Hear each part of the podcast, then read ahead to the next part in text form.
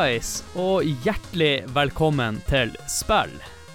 Mitt navn er Adrian Haugen, og med meg har han Håkon Puntervold, hei, hei, hei, aka Punti, eller hva nå enn. Kjært barn har mange navn, er det ikke det man sier? Og i dag er det en spennende episode. Virkelig. Det er siste episoden for i år, faktisk, så det er jo en markering. Men det er også Game of the Year-episoden, hvor vi skal kåre det som da skal være årets spill. Eller vi skal, vi skal Ja, vi har diverse kåringer til diverse spill eh, for 2020. Så det blir utrolig gøy. Men før, før vi skal prate om dette her, Adrian eh, For vi er ikke alene der. Der eh, har du fiksa noen gjester som eh, du får tak i etter hvert, tror jeg. Men før vi slipper disse her til, så skal vi og deg prate litt om åssen året har vært. Eh, Åssen spill har vært gjennom tida. Hvordan, hvordan har det vært start til der vi er nå? Ja, det har jo skjedd veldig mye i 2020. Ikke bare koronaen, men Nei. også med utviklinga til spill. Mm. For det første så var jo ikke spill en egen podkast når vi starta 2020. Den var jo gitt ut under sidelinja, som en sånn bonuspodkast for de som er spillinteresserte. Mm. Og så sa jo en morsom ting eh, Eller morsom, det er ikke så morsomt, da, men jeg sa i hvert fall eh, i første episoden som kom ut i år, som var Super Metroid-episoden, at jeg ønska at man skulle klare å få til flere episoder enn vi fikk året før. Og i 2019 tror jeg det blir lagd ti episoder, og i år så har jeg jo dobla det, nesten tripla det antallet. Ja. Og vi har i tillegg starta en, eh, en, en sidepodkast i spill også. Nå, nå, nå har vi jo bare utgitt én episode der, men det er jo sånn Ja, vi har i hvert fall åpna opp at spellbreak er en ting, da. Så det, det er uten tvil stor utvikling som, som har skjedd.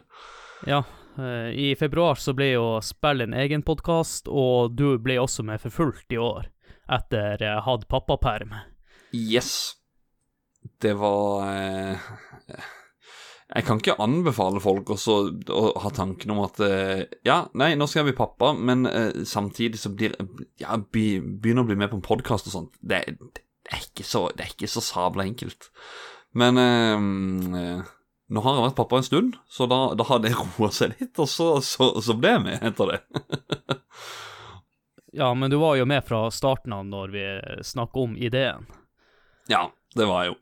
Så det er jo opprinnelig sidelinja jeg er ifra, men der var jeg jo også vekk en god stund. Uh, ja. Og i tillegg så har vi jo hatt eh, gjester i år som man ikke har kjent fra før av. Det første året så har jo jeg brukt folk jeg kjente som gjester. Men i år så har vi fått inn noen eh, vi ikke kjente fra før av. Det er jo Ja, så morsomt å eh, stifte et nytt bekjentskap til folk. Det er jo det som er utrolig gøy med denne podkasten, det er at eh, man, som du sier, da stifter kjennskap til, til, til nye folk og, og andre podkaster, eh, som også har starta opp sånn noen samtidig som oss. Eh, litt etter også, så snakker veldig mye sammen og sånt, det er utrolig gøy. Og man blir liksom en, en eh, Kall det en, en litt sånn spredd podkastfamilie på, på kryss og tvers.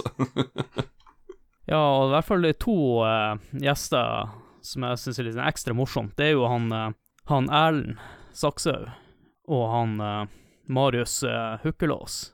Han Erlend ble jo tipsa av en annen til å ta kontakt med. Vi hadde aldri pratet med han før, og han Marius han tok kontakt med oss. Ja, det er utrolig gøy. Marius kjenner jeg jo litt til via dette her samlermiljøet, men, men sånn det, Altså, den Mario Kart-biten som, som han hadde i seg, det ante ikke. Det Jeg har kun drevet og kjøpt og solgt litt spill, bytta sammen med andre, liksom Nes og sånne ting, men jeg visste aldri at han var en Mario Kart-fyr og hadde den, den bakgrunnen rundt det, da. Utrolig gøy. Det var jo en skikkelig luksussituasjon da, å bli kontakta av en en person som er, har så mye kunnskap om Mario Kart. Så da måtte vi også lage to episoder på rappen. Ja, det måtte vi. Det var, det var to gøye episoder. Det var det. Når du er inne på gøye episoder, så har jeg en annen episode som eh, ble mye lenger enn det lytterne er klar over. Det er jo den Final Fantasy 7 remake. eh, Ja, å herregud. Jeg, jeg tror det var jeg som klippa den.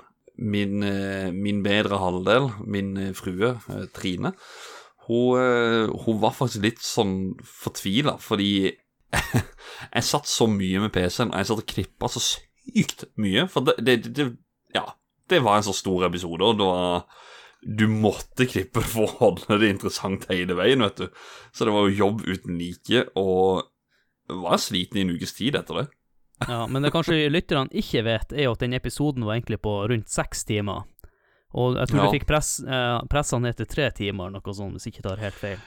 Ja, jeg skal, jeg, jeg skal mene det heller var noe fem, eller noe. Ja, men uansett, du halverte jo tida.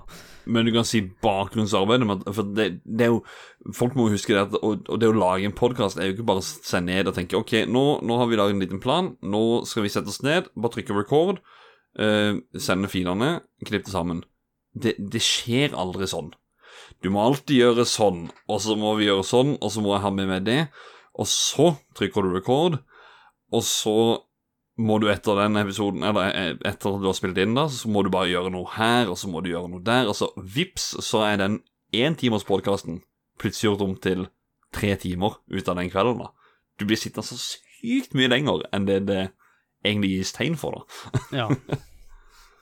Men det er jo utrolig gøy. Det er jo, eh, det er derfor vi driver med det.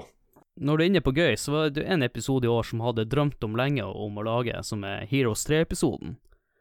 Og det er en episode jeg egentlig ikke trodde jeg skulle klare å få med meg noen gjester, så jeg var jo utrolig glad når jeg fikk med meg han eh, Philip og han Mats da, på den. Ja, jeg må jo si den og Resident Evil 2, som du hadde med Thomas Jørgensen, de to Nå skal ikke favorisere eller si at, at den ene er bedre enn den andre av gjester, men, men episoden, mener jeg da, som uh, av spill Heroes 3, ja, det, var, det er et minne for meg, men dere gikk så mye i dybden på typ uh, karakterer, de heltene, hvem, hvem velger du? Dere huska jo navnet på alle disse her eh, eh, krigerne som du kunne velge, de, de mm, eh, Altså troops, eller eh, ja, eh, spydfolk, hva nå enn. Jeg, hus jeg husker jo ikke navnet på de i det hele tatt. Jeg husker jo ikke navnet på en eneste en.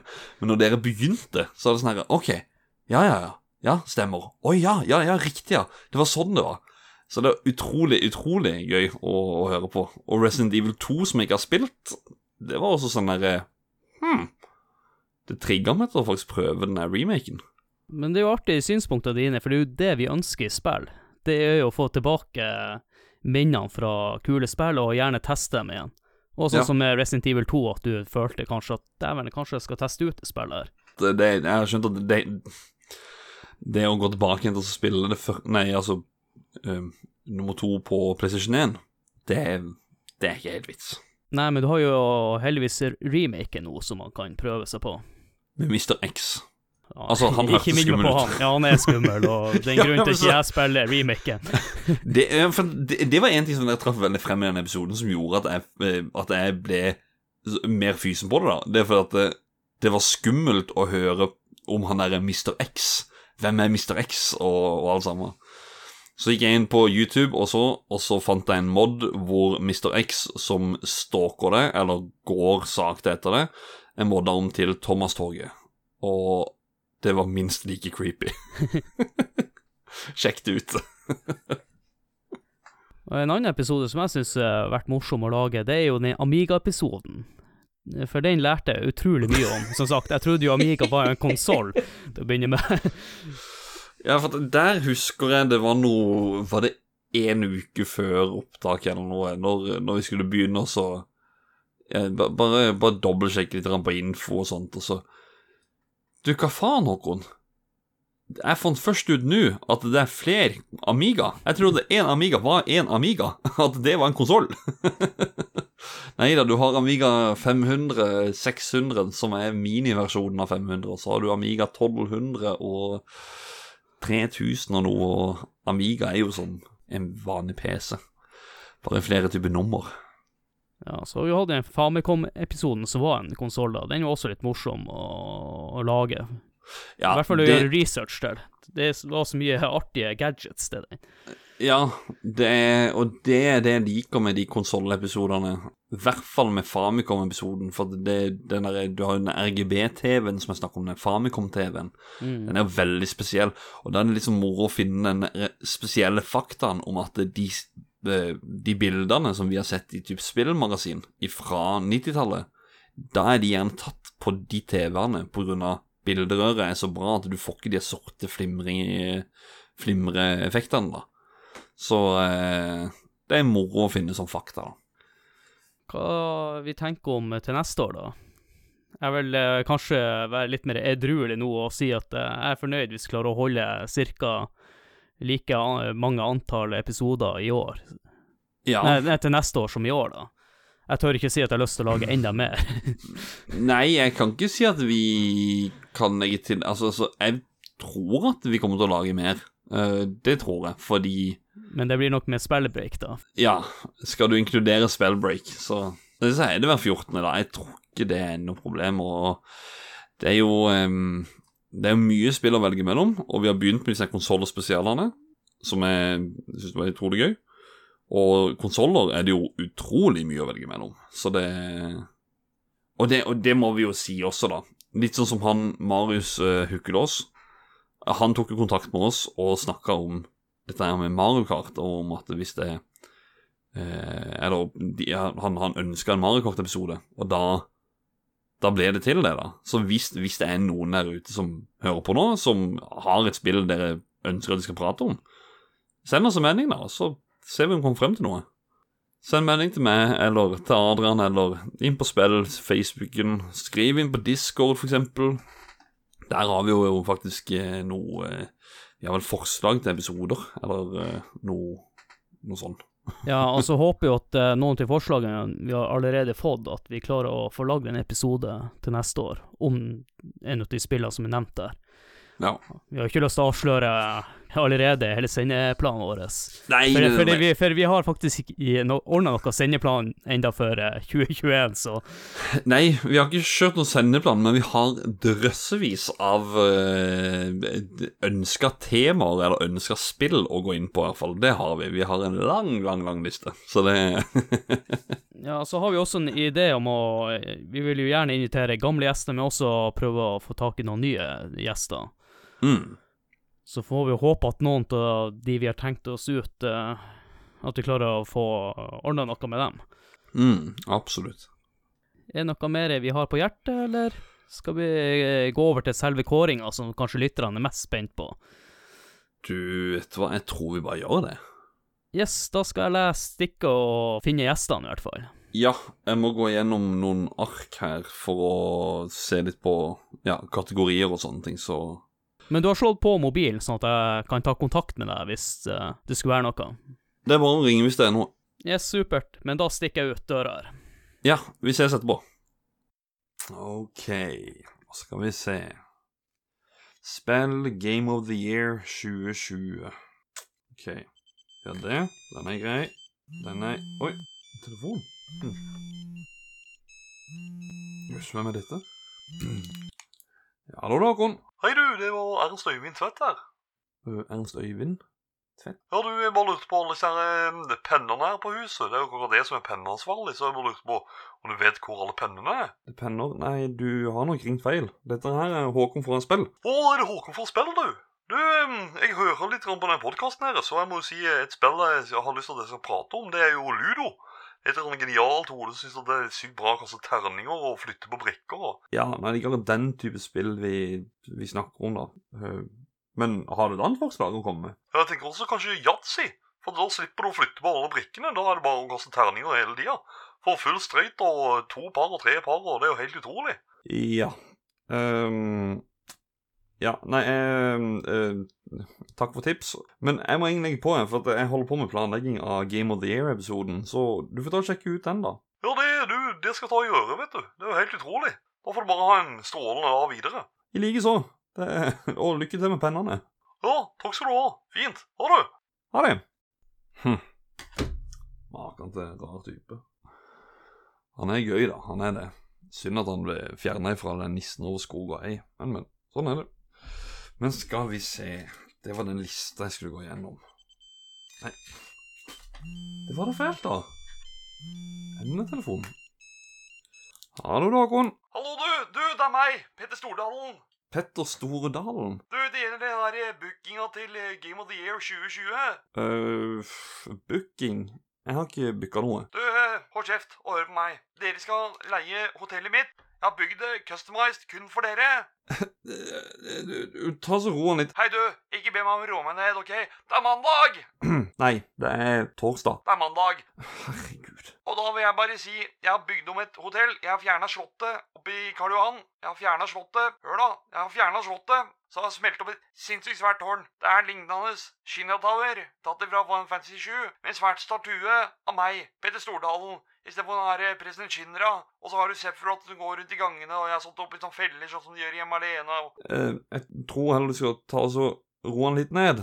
Kan du, kan du heller gjøre det? Hei, du, ikke be meg om å roe meg ned. Du må bare ha en fortsatt fin dag. Det er mandag! Nei, det er torsdag. Herregud, ta og slapp av, mann. Det er mandag! Ja, OK, vi snakkes. Jeg må forberede episoden her, og så må du bare ha en fin dag videre. Du, ja, vi ses på hotellet. Ja, vi snakkes. Fint. Ha det. Jesus Christ. Hva er det for noen folk? Åh, nei. Da må bare Adrian og gjestene være klar, så kan vi få begynt på denne episoden.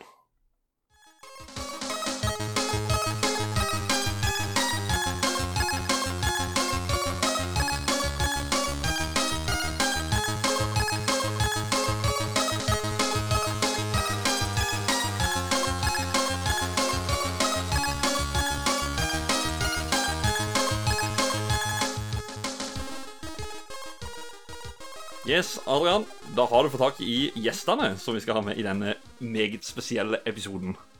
Ja, jeg har gjort det ganske lettvint. Jeg har jo spurt eh, de andre medlemmene fra den andre podkasten vår, Sidelinja, om de hadde lyst til å være med. Så da kan jeg ønske dem hjertelig velkommen, Jan Dyrlund og Ralf William Numelin. Ja, Dokser du oss på podkasten? Jeg skulle til å si det samme. ja, Jeg ja. satt og tenkte på siden, jeg satt og tenkte på siden det var en dobbel introduksjon, så tenkte jeg hvem av dere kommer til å si hei først? For det bør alltid være én og én og én. Ja, ut av trening der, så. ja da. Nei da. Nei, altså, vi er jo samla en god gjeng, da, og som skal eh, snakke rundt spillåret 2020. Mhm. Det har vært bra. Tja. Vi får se. Vi får se. Eller vi får Ja. høre. Ja. Men jeg tenker vi kan jo bare snakke litt sånn generelt om hva vi syns om det spillåret har vært så langt. Det har jo vært noen store titler der ute som har kommet i det her året. Hva dere synes om spillåret 2020? Altså, for min del jeg føler jeg ikke det er så jævlig mye som står ut, egentlig. Det, altså, det var selvfølgelig noen titler, altså, altså det var én spesielt. Det var jo remaken. Og når jeg sier remaken, så vil jeg anta alle vet hvem det er, hvilket spill det er. Eh, og så er det jo selvfølgelig Cyberpunk. Ja. ja. Men eh, du, Ralf, jeg husker vi hadde en Doom-episode der du så veldig fram til Doom Eternal. Ja. Men Hva eh, sånn ellers så har jo året, året vært eh, fint. Ja. Kort og enkelt svar, altså.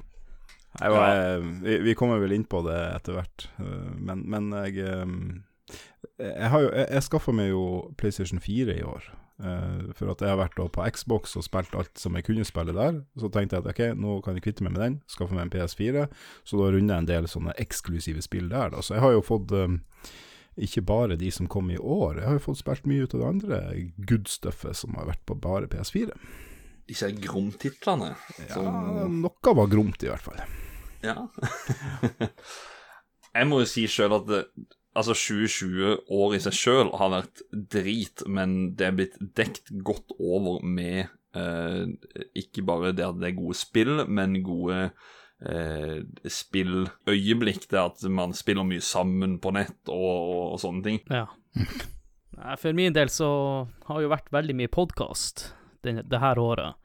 Så jeg føler jeg ikke har fått spilt så mye som jeg burde fått spilt.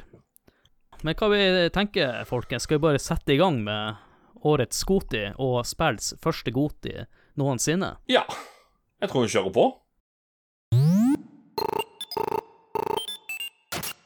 Hvem er denne karen? Denne sexy karen med sekk og lue på? Vel, jeg ligner litt på nissen, og jeg heter Lars Rikard Olsen. Godt uh, nytt år snart. Uh, straks god jul. Jeg er her for å introdusere kategorien spill vi skulle ønske vi hadde spilt i 2020. Og før vi slipper til uh, de andre menneskene, de veldig sexy menneskene i denne podkasten, spill så vil jeg si at uh, det jeg skulle ønske jeg hadde spilt, det er Animal Crossing, New Horizon, New Horizon til Switch. Jeg tror faktisk det er flertall. Det er Horizons, det er ikke bare én, det er flere horisonter. Jeg vet ikke om det er bare løgn. Fins det flere horisonter i det spillet? Jeg vet ikke. Jeg likte jo veldig godt uh, det forrige Animal Crossing-spillet. Jeg syns det var kjempekoselig, veldig, veldig hyggelig. Og gleder meg til å spille det nye. Det kan jo hende jeg får spilt det i år, da. Men jeg har ikke gjort det ennå. Jeg tror det kan være en sånn julegreie. Det høres utrolig koselig ut. Feire jul med mine virtuelle dyr. Fiske litt, plukke opp skjell. Handle hos andre folk osv. Jeg tror det blir bra. Det får holde nok med meg. Husk å være snill med hverandre. Bruk deodorant. Ha det bra. Oh yeah. Takk til Lars Rikard Olsen fra Lolebua for den herlige introduksjonen der. Vi er på kategorien 'Hvilket spill skulle vi ønske å ha spilt, men som vi ikke har fått spilt i år'? Jeg tenker vi kan begynne med deg, Jan. Har du noe spill du ønsker du hadde spilt? Jeg hadde jo Flight Simulator fikk aldri spilt. Microsoft sin. Jeg hadde jo lyst til å prøve den, men jeg Var det kult? Er det dere som har prøvd det? Nei. Nei. jeg, jeg, skulle, jeg, skulle, kanskje ha det på lista, jeg òg. Mm. Eh, men jeg hadde ikke det. Nei, jeg hører i hvert fall at mange ja, synes i hvert fall at det spillet har, er, er, veldig bra, da. Mm. Ja, det er jo ikke et spill, sånn sett. Men ja, du kan vel litt kalle det Du kan vel spille det med Xbox-stikket òg, men ja. Det blir ikke helt det samme. Jeg føler du må i hvert fall må ha litt sånn uh, joystick og hva heter det for å styre farta med. Ja, det, det, ja, du må ha Hotas-oppsett, men det har jo han Jan. Jeg har full, full hotas. Så, uh, men, uh, men uh, også må du ha et beist av en datamaskin òg. ja, det, det, det, det, var et beist for to-tre år siden. ja. det var bare enda mer det, og det, jo, ja, det, krever mye av ikke bare grafikkort, men også CPU, det spillet der. Eller ja, den simulatoren. Ja. Jeg har notert ned noen spill som ikke har fått spilt i år, som jeg gjerne skulle ha testa ut. da. Det første er Half-Life Alyx og Doom Eternal, Splunky 2, Star Wars Squadrons, Assassin's Creed Valhalla. Jeg er litt mer usikker nå på om jeg har lyst til å spille det eller ikke. Så har du Demon Souls remake. Jeg har ikke spilt det første Demon Souls. God damn! Det var mange. ja, men det er spill jeg kunne tenkt meg å ha spilt, men uh, når det er sånn vi styrer med podkast og sånn, så får man ikke like mye tid til å Jeg kunne tenke meg å spille den Demon Souls-remaken, ja. Men du har jo sett Demon Souls, da. Jeg har jo Demon's Souls PlayStation 3-versjonen, har jeg jo. Ja. Og eh, Adrian har sett den. Vi prøvde ja. den jo, husker du ikke? Vi, vi daua jo, og så daua vi litt mer. Og så enda litt mer, og så måtte ja. vi pugge til eksamen. det, ja, det er noen år siden. For min del så har jeg bare skrevet Half-Life Alex. Jeg har regnet med i alle kategorier som vi skal gjennom, altså med honorable mention. Uh, og så er det alltid et, et stikker seg veldig ut, da. Det, mitt honorable mention der er The Last of Us Part 2. Men det er pga. at jeg har spilt det første heller. Og jeg vet uh, den, den cinematiske opplevelsen av spillet som bare Ja, som gjør meg litt uh, trigg til å prøve det. Men det som jeg virkelig skulle ønske at jeg hadde spilt, det var Ghost of Sushima. Det ser bare rått ut, rett og slett. It's uh, pretty good. Yes. Can, ja. can recommend. Så jeg, så jeg, bør sette det på lista mi? Ja. Ja, jo, ja. Og det, det er ikke sånn endeløs åpen verden, sånn som åpen verden pleier å være. Ja. Sånn. Ja, er det sånn at du kan komme deg gjennom det på en høvelig eh, smooth måte, sånn som eh, Hva det var det heter der han med robotdinosaurene? Horizon Zero Dawn? Ja, Horizon Zero Dawn. Forza Horizon. ja, det, er fullt, det, er ikke fullt så mye som der. Jeg, jeg, jeg, jeg gikk jo fra å spille Forza Horizon på uh, Xbox til uh, fire, da, til å Og Horizon Zero Dawn var det første jeg runda på uh, PS4, så det var noe Horizon. Ja, ja det er alle de Horizon-titlene eh, det, det, det er mange av de. Det er mange av de. Ja, så jeg spilte jo eh, Animal Crossing New Horizons. Ja. Men eh, ja. Som sagt så er det ikke sånn at vi i panelet har spilt alle spillene som er kommet ut i år. Så kåringa blir å skje på, holdt på å si, på vårt grunnlag, da. Mhm. -hmm. Så jeg har jo advart litt på forhånd at jeg har ikke spilt så sinnssykt mye i år. Jeg har testa mange spill, men uh, ikke så mange som blir å havne med på de listene som vi snakker om i dag. Ja, så kan jeg si sånn som du pleier å si, Adrian. And with that bombshell, ja. Ja. så tror jeg vi hopper over til neste kategori.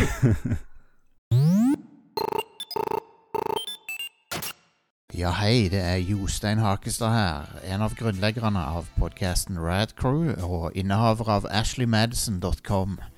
Jeg har fått i oppgave å introdusere neste kategori, som er Årets overraskelse. Men før jeg slipper til de andre, så vil jeg gjerne dele min årets overraskelse, som faktisk er Immortals Phoenix Rising. Tross en litt fjollete tittel, så er dette spillet herlig fra begynnelse til slutt, med en fresh take på gresk mytologi som er både morsom og sjarmerende. Dessuten så er det Endelig så har Ubisoft klart å liksom eh, gjenoppfinne den åpen verden-sjangeren som de har jobba i så lenge. Um, så for mine penger så er det Ubisoft sitt beste spill fra 2020. Men da kommer altså årets overraskelse. Da takker vi Jostein for den, eh, eller Jostein Hakstad fra Radcrew for den vakre introduksjonen. Så kan vi bare hive oss rett på det, da. Jan, hva er din årets overraskelse? Jeg tolka det mer som en overraskelsesutgivelse. Men eh, Overraskelse med, Ja, ja, Ja, med utgivelse eh, sju. Ja, ja. ja, men det eh, Alex forventa jo ikke jeg i det hele tatt. Jeg forventa egentlig ikke at uh, Valve skulle komme med noe nytt i det hele tatt noensinne. Nei. Men uh, ikke bare kom de med noe nytt, de kom med et uh, VR-spill i tillegg. Og det var i Half-Life-universet, hvilket var jo triple threat med new shit. Mhm. Og, Ja. Jeg skulle egentlig hatt det på min eh, Skulle gjerne prøvd å spille det òg, men da må jeg jo punge ut med et par tusen i VR-sett Et Par Et par. og, Et par, ja. og minikort. Nei, minikort, og ja, kanskje det òg, for så vidt. Skjermkort. ja. Adrian, da? Hva tenker du? ja, jeg kunne jo sagt det samme, men uh, jeg har uh, Among us. Ja. Jeg vet at spillet ikke kom ut i år, men for meg så kom spillet ut i år. Det fikk en eh, ny vår. Du ble i hvert fall Det kommer ut for alle i år. Det kommer ut for alle i år, det spillet der. Ja, Det, det burde så- vært en egen kategori. Årets mest engasjerende spill.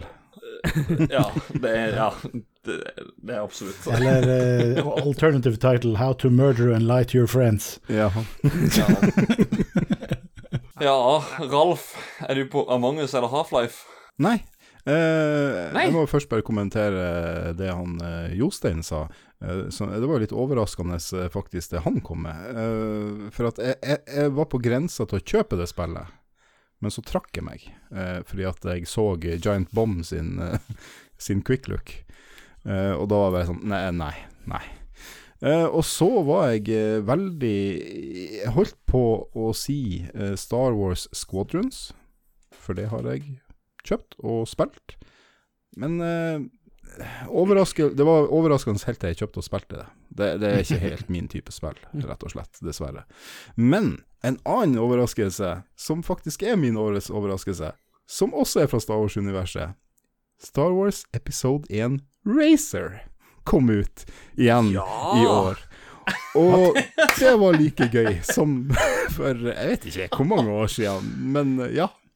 Var det like eh, lett i anførselstegn? Ja. ja. Og var stikka like dårlig som de utslitte stikkene på OBS. Holdt på å knalle til han han syvåringen den gangen på 90-tallet. Nei, det var, jeg, jeg syns det er fantastisk. Det, og det var skikk... og jeg, ble- Det var jo en mer overraskende utgivelse, fordi at jeg trodde jo ikke det skulle bare plutselig dukke opp uh, på konsollen i dag, i 2020. Ja. Jeg har nå Nei, spilt det spillet kun med sånn eh, N64-stikket. ja, ja, med skikkelig drifting. Da mener jeg at den var løs og datt ned et hjørne, og den lille pissungen uh, sa at uh, det er ikke styrka som dårlig spiller så jeg sa se på den driten. Men det er jo en annen historie. Jeg, hadde, jeg, hadde, jeg hadde det faktisk på PC, så jeg hadde ikke det problemet. Ja, jeg syns du skal spille det hos deg. Ja, Du gjorde nok det. Ja, jeg får komme inn med min honorable mention, da. For uh, det er Ghost Runner. Det var uh, Nå har jeg ikke spilt igjennom det, det er derfor det er på en honorable mention.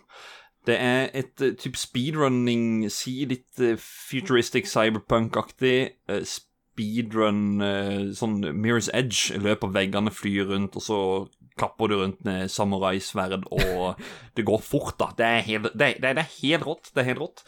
Det er Eh, 2D Ghost Runner 2D-plattformer. Nei, det er Jeg vet ikke hva, hva du, du, drar ikke eh, 20 spill for å forklare ett spill, så jeg er jo helt forvirra da. Ja, ja, er det 2D, Ghost, eller er det 3D? Nei, Ghost Runner. Ghost Runner der, altså. Sjekk det ut. Men det som vinner overraskelsen, det var det jeg trodde var ville være som alle andre beat em up-spill. Som bare sånn Ja, OK, du har hopp, du har slå, du har spark. Men det var så mye mer. Og det ble mye mer, og du runda det, og det ble enda mer. Det er Streets of Rage 4. Fy. Ja, de gjenfødte den sjangeren så det sang etter. All Wow! Honorar til uh, all hatten av og sjo og heia og pjo, pjo, pjo til Street of Rage 4. Jeg digger det spillet. Det overrasker meg som fy. All right. Sjekk det ut.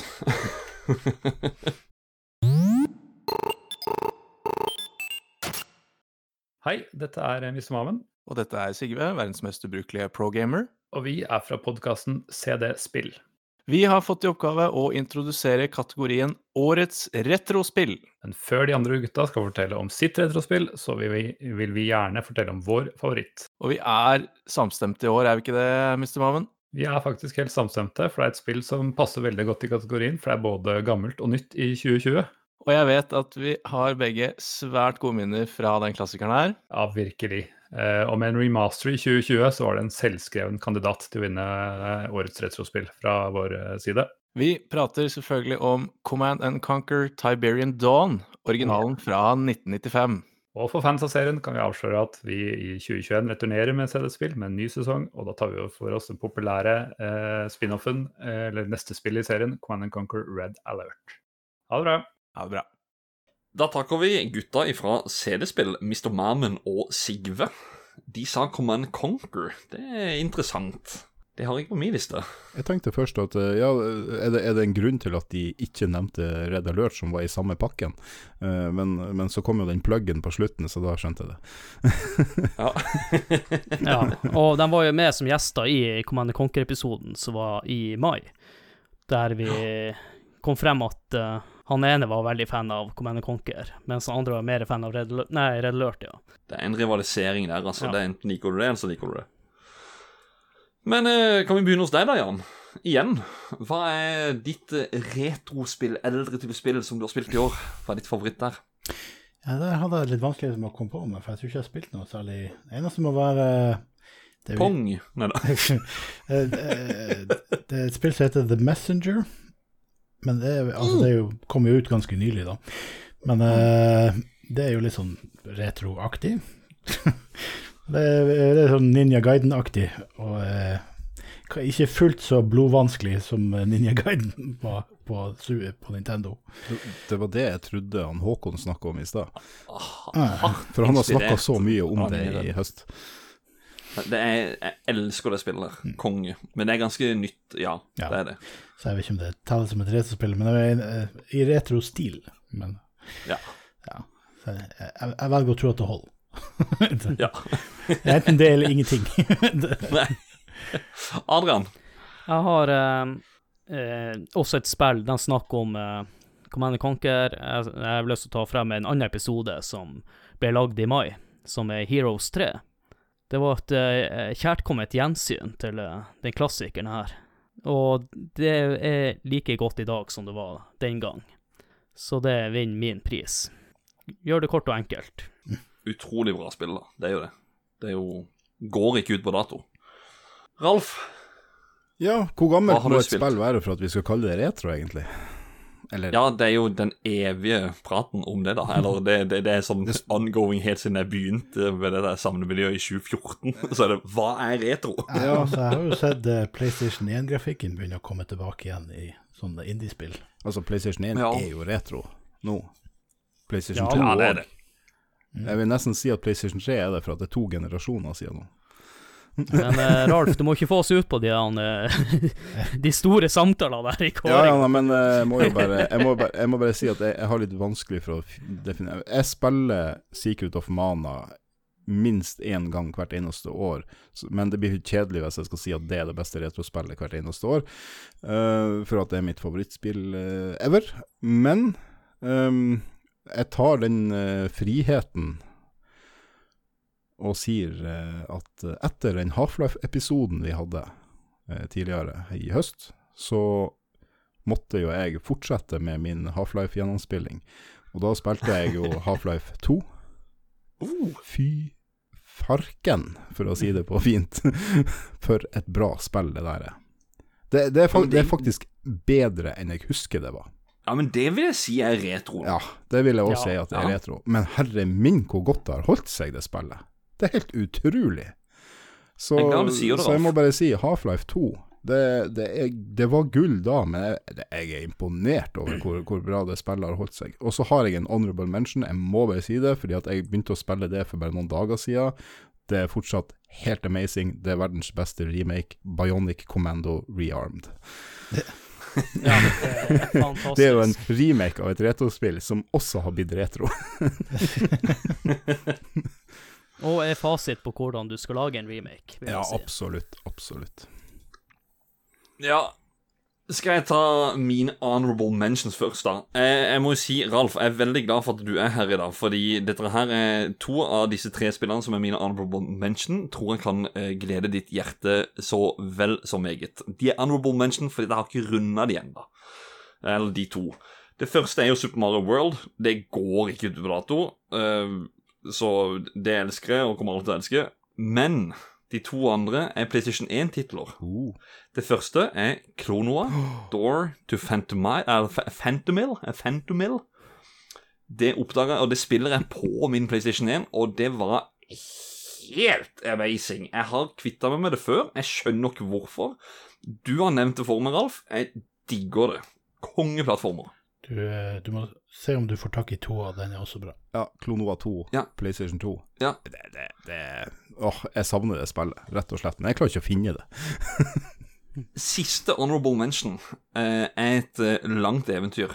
Det er Final Fantasy 9 med Moguri-mod, som gjør det smooth, det gjør det vakkert, det gjør det totalt spillbart i dag. Eh, PlayStation 1-spillet gjør dessverre ikke det, men med Moguri-mod, tipp topp. Takk og lov at du Men- nevnte det, så slapp jo jeg å gjøre det, og kunne jeg jo spice det opp. For jeg har jo Du har da spilt det, og flere det er helt amazing. Men det er et spill som har ligget så i to do-listen. Det er Super Metroid.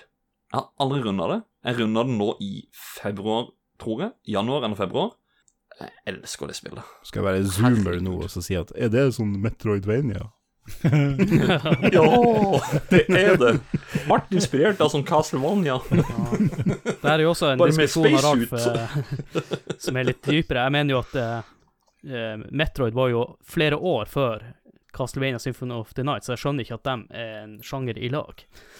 Men det er en annen, Nei, det er annen diskusjon. egentlig. Ja, ja. Men det, det, er vel, det er vel det at Metroid lagde uh, oppskrifta, men uh, Symphony of the Night perfeksjonerte den. Ja.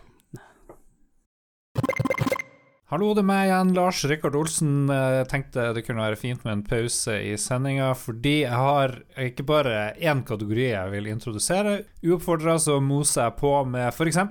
tidenes beste spill. Tidenes beste spill fra Sverige. Vi har veldig mange gode kandidater. Minecraft. Ja vel, kanskje noen vil si det er veldig bra. Du har eh, Chronicles of Riddick, Escape from Butcher Bay, du har alle de her eh, Josef Fare-spillene. Brothers, Tale of Two Sons osv. Du har litt sånn skumle spill, Amnesia, Dark Descent. Men det er jo selvfølgelig det beste spillet i verden fra Sverige, er Pinball Dreams. Pinball Dreams kom vel opprinnelig først til eh, Amiga og mange andre maskiner. Fantastisk god musikk, lagd av sånne demokodere som skulle til slutt bli Dice. De som lager Battlefield-spillene osv. Eh, bare drit, de nye tingene. Bare glem det opplegget der. Det er de gamle, gamle Pinball Dreams, Pinball Fantasies osv. Mosbra greier. Jeg tror til og med de fins på sånn mobilversjon eller et eller annet. Tjallabingers, det her er eh, Bjørn Magnus Midthaug, coming to you live. Eh, jeg har fått den store ære av å introdusere årets hovedkarakter, altså kategorien årets hovedkarakter. Men når jeg først har fått litt taletid, så vil jeg gjerne, før jeg slipper andre til, fortelle litt om hvem som er min hovedkarakter dette året. Altså favoritthovedkarakter. Det skal jo sies eh, at det å tilbringe tid med folk du ikke liker, det er uh, sjelden gøy. Spesielt ikke hvis du må. Men, men av og til, av og til er én millimeter nok. Og av og til så blir man bedre kjent med hverandre, og ender kanskje opp med å like hverandre litt. Eh, Og årets hovedkarakter var en karakter jeg på en måte var Prima til å mislike. Prima til å hate den karakteren her. Eh, Og jeg skal være helt ærlig. Når jeg skjønte at nå skal vi tilbringe tid sammen, så tenkte jeg nå er hele spillet ødelagt. Men etter hvert så vi ble bedre kjent. Og jeg så, jeg så en person med liksom eh, Et menneske. Med, med, med sinne og med gleder og med forelskelser og, og drømmer og ambisjoner og pågangsmot, som egentlig var ganske badass, så må jeg innrømme at jeg ser tilbake på den tiden som den beste tiden av hele spillet.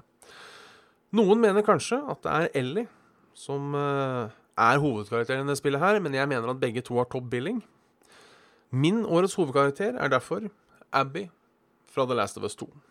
Over til studio.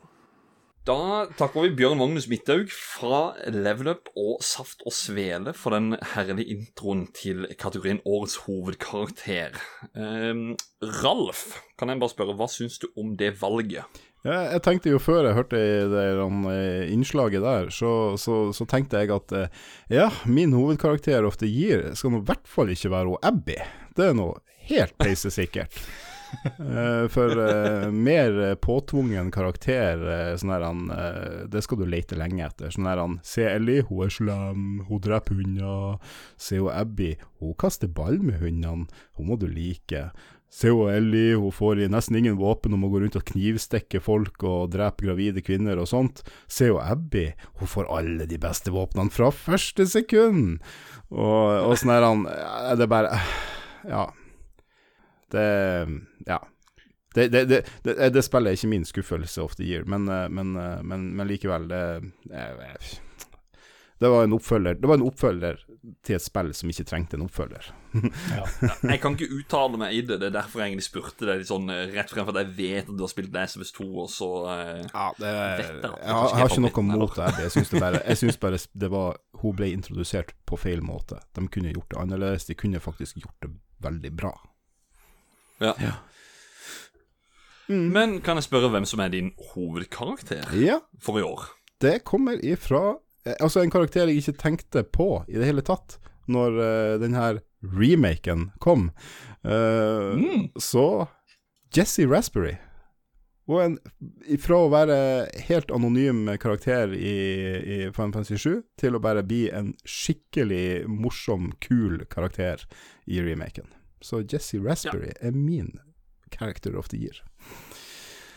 Det er Nice. Mhm. Adrian, Ja, hvem er din min character? eh, er også i samme spill. Det er han Barrett. Uh. Og det er rett og slett for at han er skikkelig gangster. Ja, han er- That's han er it. Cool. Og Oh, can't you hear the plant crying in vain? I know you can! Get Han help. er jo gal. Men jeg mener jo også litt på kødda. Det er skikkelig Ja, ja, sånn stereotypisk, men eh, ja. Jo, men Han eh, elsker jo ikke- bare han Barrett. Det, Ja. Sånn jeg kunne kunne ikke vært mer enig. Han er Barrett er konge. Jan, er du fra Final Fantasy 7 du òg?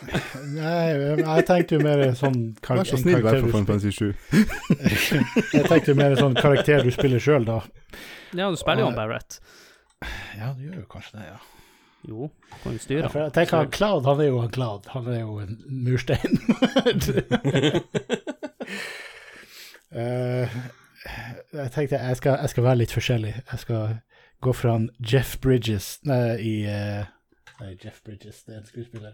Ja, han eh, Sam Bridges fra Death Stranding. Ja, Postman Pet. Ah, ja, Han Postman Pet, ja.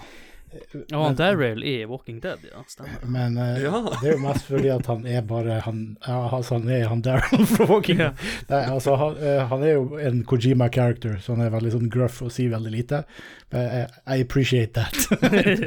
Må, må aldri glemme at han er en av Boonok Saints òg, da. Ja, men Re, re, eh, repeterer Ja. han, eh, re, repeterer han eh, det siste ordet som eh, den han snakker med, sier òg, i kjent Kojima-stil? Nei, han er ikke fullt så dramatisk som uh, Han er ikke sånn Metal Gear. Metal Gear?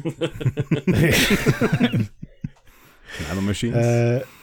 uh, og så ja, for, sånn ellers, de spillene jeg har spilt i år, har jo for det meste vært en sånn silent protagonist som, der du customiser alt de gjør. Så ser, det er liksom ikke en karakter. Men eh, Jeg tenkte jo sånn vidt, jeg tenkte sånn hovedkarakter, da tenker jeg jo jeg eh, liksom det som er karakterene du spiller, altså de, Mm. de spillet omhandler. Så derfor har jeg Jeg har kanskje gått litt i grenseland, men jeg føler jeg er innafor. Nei, men alle tar seg litt frihet. Det er vel innafor, det, tenker jeg. ja da. Det er Det er ingen, vi, har ikke, vi har ikke en årets side-character, så da, da tar jeg den eh, friheten der. Da slenger jeg inn på slutten mine, mine to honorable mention. Uh, begge de to er fra Final Fantasy Remake. Og det er ikke Barrett, det er ikke Jesse, men det er Cloud Strife. Jeg syns bare Cloud var fet. Det var fet å se han i den grafikken der. Og så var det Erith med stemmen til Brianna White. Maken til å gjøre en karakter mer komplett enn det. Ikke bare det at jeg digger karakteren fra det originale, men når hun fikk den stemmen, så var det bare uh, breathtaking. Men det er én person you're som overgår alt. Og jeg skal si, Ralf, jeg trodde egentlig at han ville være på din topp. Ja, han er sikkert min honorable mention. Han er muskuløs og flyr rundt i en grønn drakt og river opp ryggrader og smeller de i veggen og smasher de i veggen og bare river de i fillebiter, tar hagla opp i kjeften. Jeg snakker om Doom Guy fra Doom Eternal. Nei, han Altså, heter- Maka. Doom Slayer heter han ikke Ja, Doom Ja, han- Ja, hans character development er "I must kill them all! Jo, men da, da, da feiler jeg, da. Det, det, jeg mente Doomguy. Det er kanskje han fra de første spillene. Han heter vel Men Doom Slayer, Guy da. i de første spillene, Ja. men om det, det Det har vel kanskje blitt uh, Hvordan Han var heter det? der? Jeg tror han ble Doomslayer etter uh, Han heter etter The, det forrige The Doom Slayer eller Doomslayer. Ja, så det er samme Ja, ifra, ifra 2016. Ja, Ja. det er vel Men- samme. Nei, altså, eh, han er helt, helt spinnvill. Ja. Så det. Men når du, når du nevner flere, så har du også he- fremheva Kane i re remasteren til Command Conquer. Han gjorde comeback med bedre pikselerte bilder, og ga karakteren nytt uh, lys. Kan, I tillegg eh, så så han ut som en gammel hjelpelærer, så endelig fikk jeg se hvordan jo Eh, Min honorable mention kan være han tjukke fra Final Fantasy 7, bare fordi jeg liker stemmen hans. Wedge. Wedge. Ja. Og, og min, og min honorable, honorable vel med det Jeg klarer ikke å si det. Min, eh, min nummer to, det, det blir faktisk da Biggs fra 57 For at han ble på lik måte som Jesse flesha veldig mye ut. Mm. Eh, jeg, jeg likte det de hadde gjort med de to. Den uh, comical reliefen til han Wedge var litt sånn ja, OK. Men stemmen hans er kul. Det er jo, så vidt jeg forsto det, samme stemmen som han som er han Er det Badger han heter? Ja, Nei. ja. Jo, fra, fra, fra Breaking Bad, i hvert fall.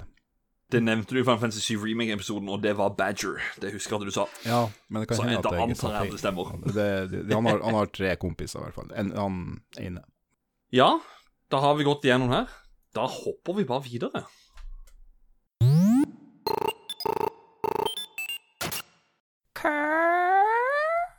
Ja da, dere hørte rett. Dette er Christer Runde fra Nerdcast her.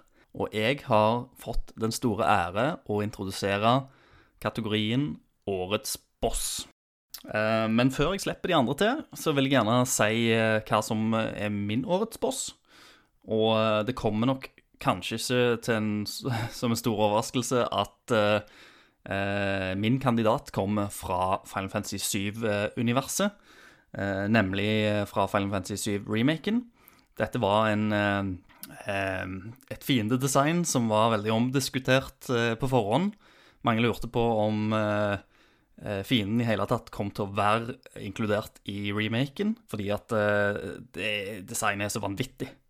Men selvfølgelig, Square Enix de gjør ingenting halvveis. De cranker det opp til 200% og da er det Har jeg gjerne spoila meg sjøl, men eh, selvfølgelig så er jo min årets boss Hellhouse. En normal fiende i det originale Final Fantasy 7, som nå ble røffa opp til en fantastisk bosskamp i Final Fantasy 7 Remake. Da takker vi Christer Runde for dette her, eh, den deilige introen hvor han sier Hellhouse. Eh, egentlig glemt litt bort eh, når jeg skulle skrive ned her. Men eh, Adrian, denne her har gått deg litt sånn hus forbi Ja. mens du har holdt på med planlegginga. Hvem er din? sønn? det stemmer. Jeg er nødt til å uh, ta litt uh, på sparket. Jeg hadde jo kanskje lyst til å si uh, siste boss i Ghost of Tsushima, men det er kanskje den mest skuffende siste bossen. Oi. Min u... Eh, jeg må bare si, ta deg på sparket. Vi får ta Final Fantasy 7 Remake, og jeg vil si han Rune Fjell Olsen. Å ja. Han eh, var, er min eh, årets boss. ja. Mr. Rude Fjell Olsen. Nei, Ru, ja. ja, Rude Fjell. Olsen. Men jeg husker ikke hva han heter nå i farta, så Han heter Rude, Ja, Rude, ja. ja. ikke Rude Fjell Olsen. Nå så, jeg, nå så jeg det bildet som er photoshoppa, hvor han la inn fjeset til Rune over fjeset hans sitt. Mm. Og det passer dritbra. Ja, ja. Det er samme karakter. Du, Det var det eneste, det eneste forskjellen, at du ser faktisk hvilke øyne som er bak de sorte brillene. Ja, han, han, eh, han Rune han burde jo egentlig ta sånn som hun der han, eh, Hva heter hun som saksøkte Rockstar for at uh, likheten hennes var tatt med i et av GTA-spillene? Var det hun Så- Ja, hun narko... Lindsay Lohan. Ja. Yes. Han, han burde jo også bare saksøke dem for det. Ja, det kan jo gagne level up da, med å få inn litt cash. Ja. Ralf, Ja, hva er din eh, boss i år? Ja, det var et veldig bra Jeg må, jeg må først bare si at eh, jeg, liker Christer sitt eh, Sitt Ja, Valg. jeg, hat, jeg hater Hellhouse på hard. men eh, men eh, jeg har sjelden vært så fornøyd etter å ha slått en boss i et spill som da jeg slo Hellhouse på hard. Eh, så, så men, men jeg skal ikke si Hellhouse, jeg òg, det blir litt kjedelig. Eh, det blir litt sånn eh, Hvilke deler av Final Fantasy 7 Remake eh, var best i år? Eh, Du likte vel han der karen på motorsykkel? eh, for jeg hadde nemlig mm. det, det var en del jeg ikke likte med spillet. Det var han på motorsykkelen, for at de gjorde ingenting mer med han, han bare forsvant. Men mm. uh, så, så jeg hadde egentlig tenkt å si noe for Final Fantasy 7 Remake. Uh, jeg kan da bare si at min honorable mention blir da Genova. Fordi at uh, musikken i den kampen og eh, det de gjør med Genova i det spillet, er bare Det er imponerende. Så, så lar vi det stå med det. Uh, og så sier jeg da at min årets boss blir hun Ellie fra The Last of Us 2. Så, for det er ingenting som er så deilig å spille og Abby og bli drept gang på gang på gang. jeg lot Ellie drepe meg på alle tenkelige vis, og før jeg til slutt eh, gjorde sånn eh, half-assed forsøk på å slå Ellie og ja. For jeg hadde jo ikke lyst til å slå Ellie. Ja, jeg, har- jeg, jeg har ikke spilt Last of Us Part 2, så jeg, jeg aner ikke hva, hva dette her egentlig vil si. Men for meg så høres det ut som at det er en hovedkarakter som dreper en annen hovedkarakter, som, som Bjørn Magnus da snakka om, om at disse her var på topp der. Så ja. Mm. Ja. det lover bra for min del. Ja, eh, ja.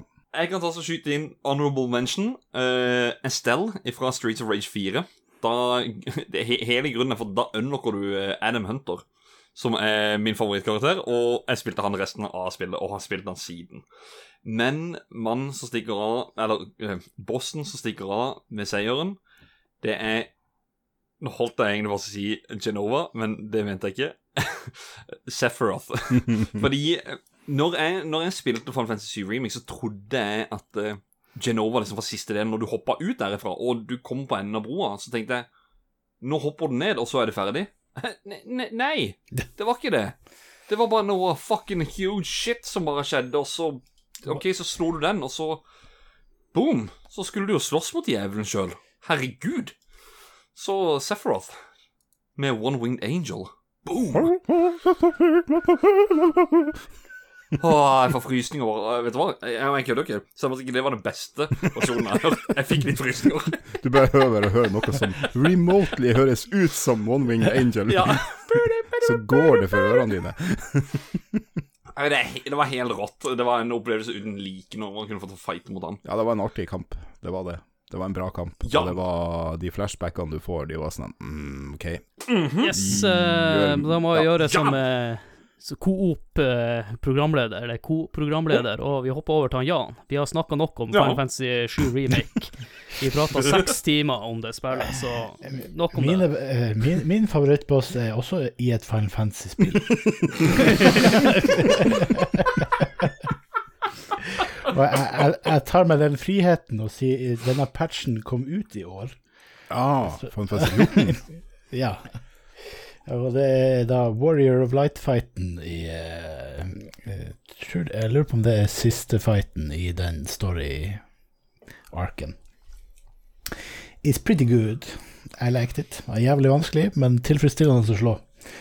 I Og, eh, hvilken expansion til Final Fantasy 14 snakker Det vi om? er i Shadowbringers, i Shadowbringers. patch 5.3. Er det der Gunblade Wielders Ja. kommer? Og bare for å eh, droppe den Final Fantasy 14-praten, så går vi over til neste kategori.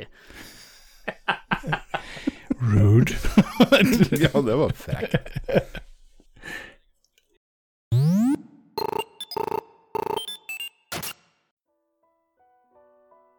Hallo! Trond Sinfor Borgersen her. Jeg har fått lov til å introdusere årets soundtrack-segmentet i denne episodens A Game of the Year. Men før jeg slipper de andre til, så vil jeg gjerne fortelle hva som er mitt soundtrack i år. For musikk handler ikke bare om hvor fin melodi som spilles, men sammensetning av spillets handling, følelser og lydbilde. Når musikken treffer deg midt i hjerterota, da har spillet gjort noe riktig. Derfor går min seierspokal til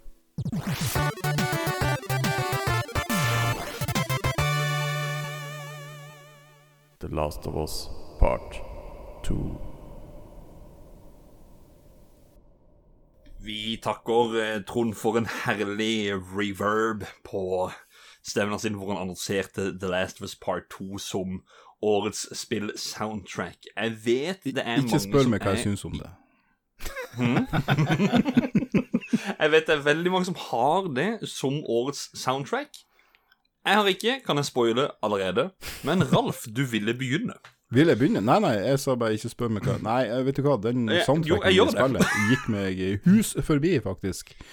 Ja. Uh, det, det, det ga Kanskje den var der? Jeg vet ikke. Jeg fikk det ikke med meg. Uansett, min årets soundtrack er selvfølgelig Fantasy 7 Remake. Ingen over, ingen ved siden. Egentlig nesten ingen under, for det er så jævlig langt ned til andreplassen! Det Ferdig. elsker jeg. Vet du hva? Kan jeg få bare følge videre på den? Mhm. Med å så begynne med min honorable mention, som er på andreplass. Det er Doom Eternal. OK. I all hovedgrunn fordi måten det soundtracket er lagd på, alle de der growling sounds som du hører, det er typ 18 eh, artister fra death metal-band som står og growler sammen i en svær hall med en mikrofon i midten av salen. Det er helt sykt åssen det soundtracket er lagd. Og det bare får deg lyst til å kicke ass og rive demoner i fillebiter. Men Ralf er helt enig, og som Trond sier, når musikken treffer deg midt i hjerterota, så har spillet gjort noe riktig. Og det er Final Fantasy 7 Remake. Jeg har felt mange tårer til denne musikken her, for det da bare Det er tilbake. Det er, det er tilbake igjen. Det er ikke Altså, ja. Det er magisk. Ja, men det kom også en ny låt med, og den er òg konge. Mm. Mm. Og de nye versjonene av de forskjellige låtene, kjempebra. Så eh, det var, Mm. det var liksom Jeg, jeg, forventa bare en sånn eh, Kanskje den her or orkesterversjonen av alle låtene som man har hørt fra før, men jeg fikk mye, mye mer. Mm. Jan Banan. Altså, eh, for min del så var det Doom-soundtracken. Bare for at under overflata, den rolige, rolige overflata, så er jeg en veldig sint mann. Det her er musikk, veldig fin musikk å høre på når man har lyst til å, eh, om ikke være sint, så i hvert fall eh, hø høre lyden av å være sint. Så du er, du er ikke den typen som setter på Doom eh, Eternal-soundtracket mens du er på butikken, og så bare river den ned hyller og, Nei, og sånne ting i samme jeg, jeg, jeg har den på jobb når jeg sitter og er frustrert over noe. Setter deg inn i et hjørne og bare altså, eh, eh, så er jo selvfølgelig Final Fantasy-soundtracken på en ganske sterk, sterk andreplass. Ja. Og så eh, Min honorable mention vil være musikken til uh, Final Fantasy 14. Pent. Pent. Bare for å skyte det inn der. Ja, ja, ja. Adrian. Jeg tenkte jeg skulle si Final Fantasy 7 Remake, men så kom jeg på eh, det CD-spillet nevnte litt tidligere i episoden. Å, herregud, ja. Command Conquer sin uh, musikk. Jesus.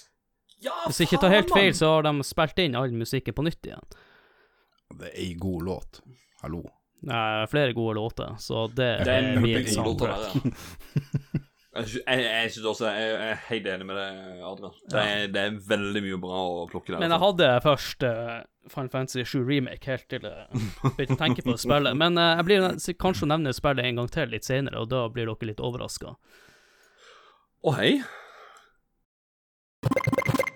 Mine damer og herrer, fremdeles eh, ikke bedt om å gjøre det her, men vi må kåre spill i flere kategorier enn det gjengen hadde forberedt. Og jeg tar på meg den viktige oppgaven. Lars Sigurd Olsen her fra Lolbua og Spillrevyen. Hva er de beste Gameboy Advance-spillene noensinne? Noen sier det er Legend of Zelda, Minish Cap, Metroid Fusion er populært, Castlevania, Aria of Sorrow. Det fins eh, Pokémon-spill i øst og vest. Bare drit, glem det. Det er selvfølgelig Pokémon Pinball, Ruby og Sapphire fra 2003 som er det beste Gameboy Advance-spillet. Kom i 2003. Utrolig bra. Verdens beste eh, Pokémon-spill. Jeg har ikke spilt noen andre, tror jeg, men eh, det er ikke så viktig, fordi jeg spilte dritmye Pokémon Pinball. Oi, oi, oi. Tenk om det kom tilbake og var spillbart nå. Det går bare an å drømme. Men eh, jeg har en Gameboy Advance liggende i kjelleren. Tror denne jula, da skal jeg spille det. Og Animal Crossing New Forza Horizon, som blir det. God jul! Ha det bra! Det her, Nå kommer det ikke flere eh, sånne her eh, greier. Nå gidder jeg ikke mer. Ha det bra! Hei, dette er Tommy Jørpeland, kjent fra Nerdcast. Jeg er her for å introdusere kategorien Årets dårligste spill. Men før disse guttene får sagt sitt, så vil jeg si at mitt årets dårligste spill, det er uten tvil Social Distancing US Edition. Ja vel, gutta boys, take it away. Haugen knuser deg ennå i drikkeleger. With that bombshell on the end. Dere har jo en sånn rivalisering dere om, om drikking i Sandefjord under Retrospillfestivalen, Adrian. Jeg er litt overraska. Det kommer hus forbi, som vi sier så mye i episoden. Ja, det, han bare prøver bare å være litt ovenpå. Jeg, Jeg, jeg, har ikke fått det med meg engang. Jeg var så Ja, full. med Volkan Stavanger liker jo å Ja, skryte vi, har, på ikke- vi har ikke fått det med oss, for de går jo hjem fra, fra Ja, byen klokka halv Ja, det stemmer det, ja. De, de går hjem før det hele starter. Eller så kommer de, eller så kommer de seks timer etter at vi har begynt, Ja. og så er de helt ødelagt dagen etter. Det er ingen tvil på at vi må ha en retrospill med sn- s- eh, spesial igjen veldig snart. Når det blir mulig. Når verden Ja. åpner seg igjen. Mm. Men Tommy, eh, du har tatt feil, fordi at du hadde kategorien Årets skuffelse.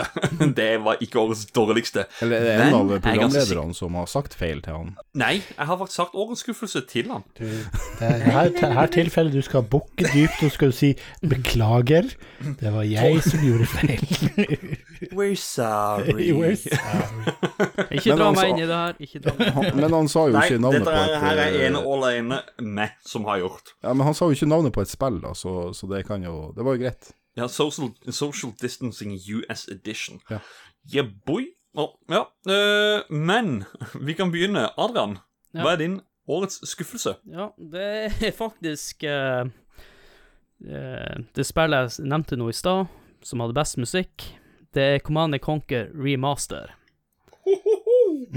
Og dere lurer på hvorfor. Jeg, jeg syns ikke det er absolutt et dårlig spill, men det er kanskje mest skuffa at jeg har spilt det så lite.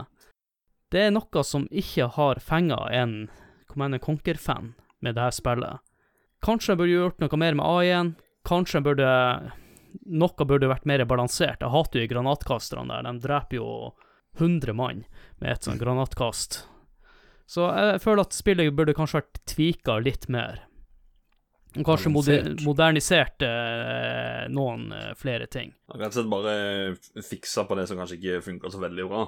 Ja, men eh, for Ja. all del, det er jo et morsomt spill, men eh, hovedgreia i det her er jo kanskje at jeg ikke har spilt det så mye som jeg skulle ønska. Og det vil si at det har ikke trigga meg nok, dessverre. Mm. Så derfor er jeg litt skuffa over det. Ja. Jan? For min del er det Warcraft 3-remaken. Jeg Det var, det. var som om noen spytta meg i munnen, det spillet. godt inn i, gått i min grunn. And uh, not the good kind of spilling. Men, men altså, hvis du har det på årets skuffelse, da lurer jeg virkelig på hva du har som årets dårligste spill. Vi skal ikke, vi skal ikke spoilers, they might be the same. Å, det gikk vi faktisk helt i glemmeboka da. eller? Ja, det er bra. eneste de gjorde, var å hive noen nye modeller på, og litt teksturer. Ellers gjorde de fuck all. Og hvis du var så uheldig å eie spillet digitalt, det gamle altså, så er det nå blitt det nye. Nei. Jo. Å, herregud. Da skal jeg være så ærlig og si at jeg skal finne frem en av de gamle harddiskene mine. Skal jeg faktisk finne en krekka versjon av Harald. Sånn, så, så enkel er det. Åh. det, det, det, er som å, det er som å se de originale Star Wars-trilogien. Det, det er ikke lett å finne de heller. Nei. Har du lyst på en dårlig CG-dinosaur som går foran kamera på et tidspunkt? Nei, uff a meg. Åh. Nei, eh, før jeg slipper dette, Ralf, så vil jeg bare si min eh, skuffelse.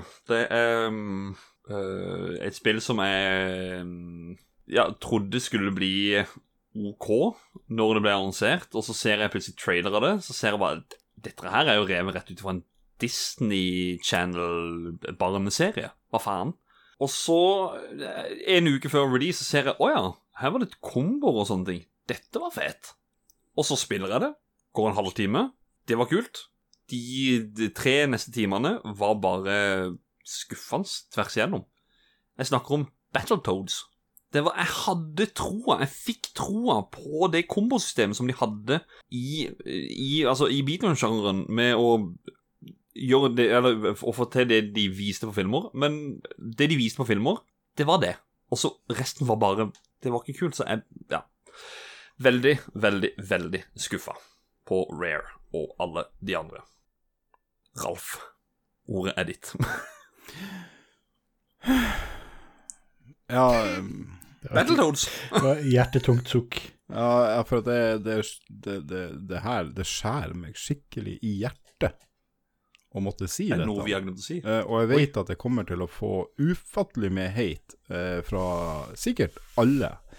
Um, men eh, jeg må bare forklare, da, at det her er spill jeg var sykt for det, det, det er sikkert ikke et dårlig spill, det er akkurat det som er greia her, da. Men eh, jeg var sjukt hypa på det.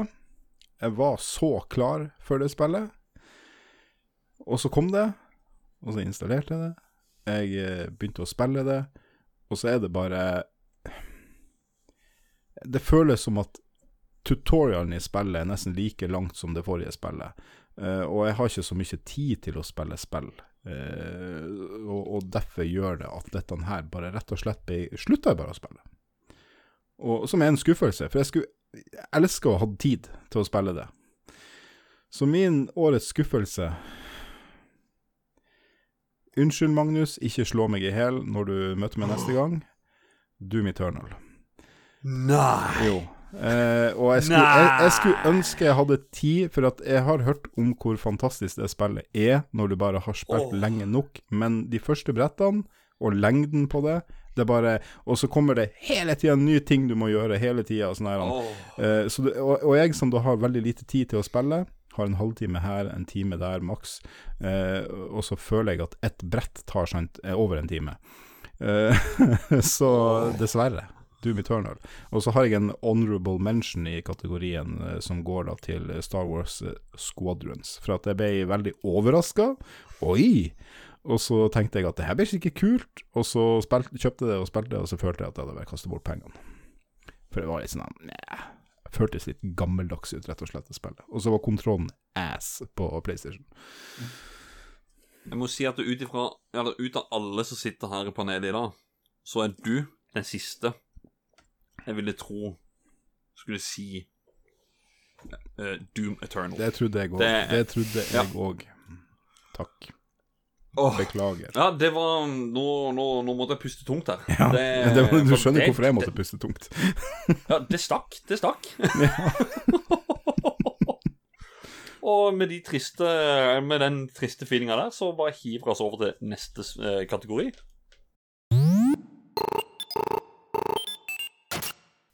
Hei, hei. Celine fra Spilledåsen er sånn. Jeg sitter alene og sender det opptaket her sånn til dere i dag, fordi de andre dåsene er opptatt med både jobb og juleforberedelser. Og jeg selv er på jobb og må gjøre det her i lunsjen, men hva gjør man ikke for hverandre sine podkaster? Eh, vi har eh, fått i oppgaven av å introdusere beste spill spilt i 2020.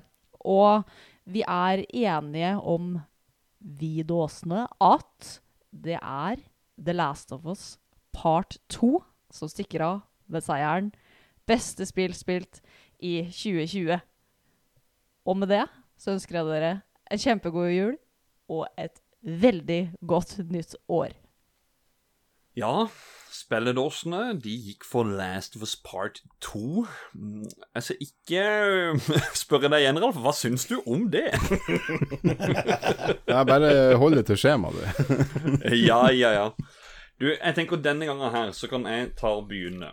Eh, for to dager siden så lasta jeg eller Dette her er honorable mention. For to dager siden så lasta jeg ned et av spillene som var topp fem på Video Game Awards, og det var Hades. Et rogelike action-rollespill som bare var helt sinnssykt gøy. Jeg spilte en tre kvarter time eller noe. Det ble om til fire timer. Men eh, mitt eh, spill som vinner denne kategorien Det er et spill som har betydd mye i oppveksten. Det har vært med å forme meg om til den gameren som jeg er i dag. Eh, når jeg hørte at det skulle bli en remake, så var jeg redd for at de ville ødelegge det helt. At det bare ville rippen apart. Uh, altså, Hvordan vil stenen se ut uh, der man er? Altså, Vil items være på samme sted? Eh, vil man bygge stats på samme måte? Men det var ikke noe problem, for de traff. Og soundtracket var fucking amazing. Det var bedre, og, eller det var like bra, og litt til. Hvilket spill snakker jeg om? Final Fantasy 14. Nei! Det er Tony Hawk Pro Skater 1 pluss 2!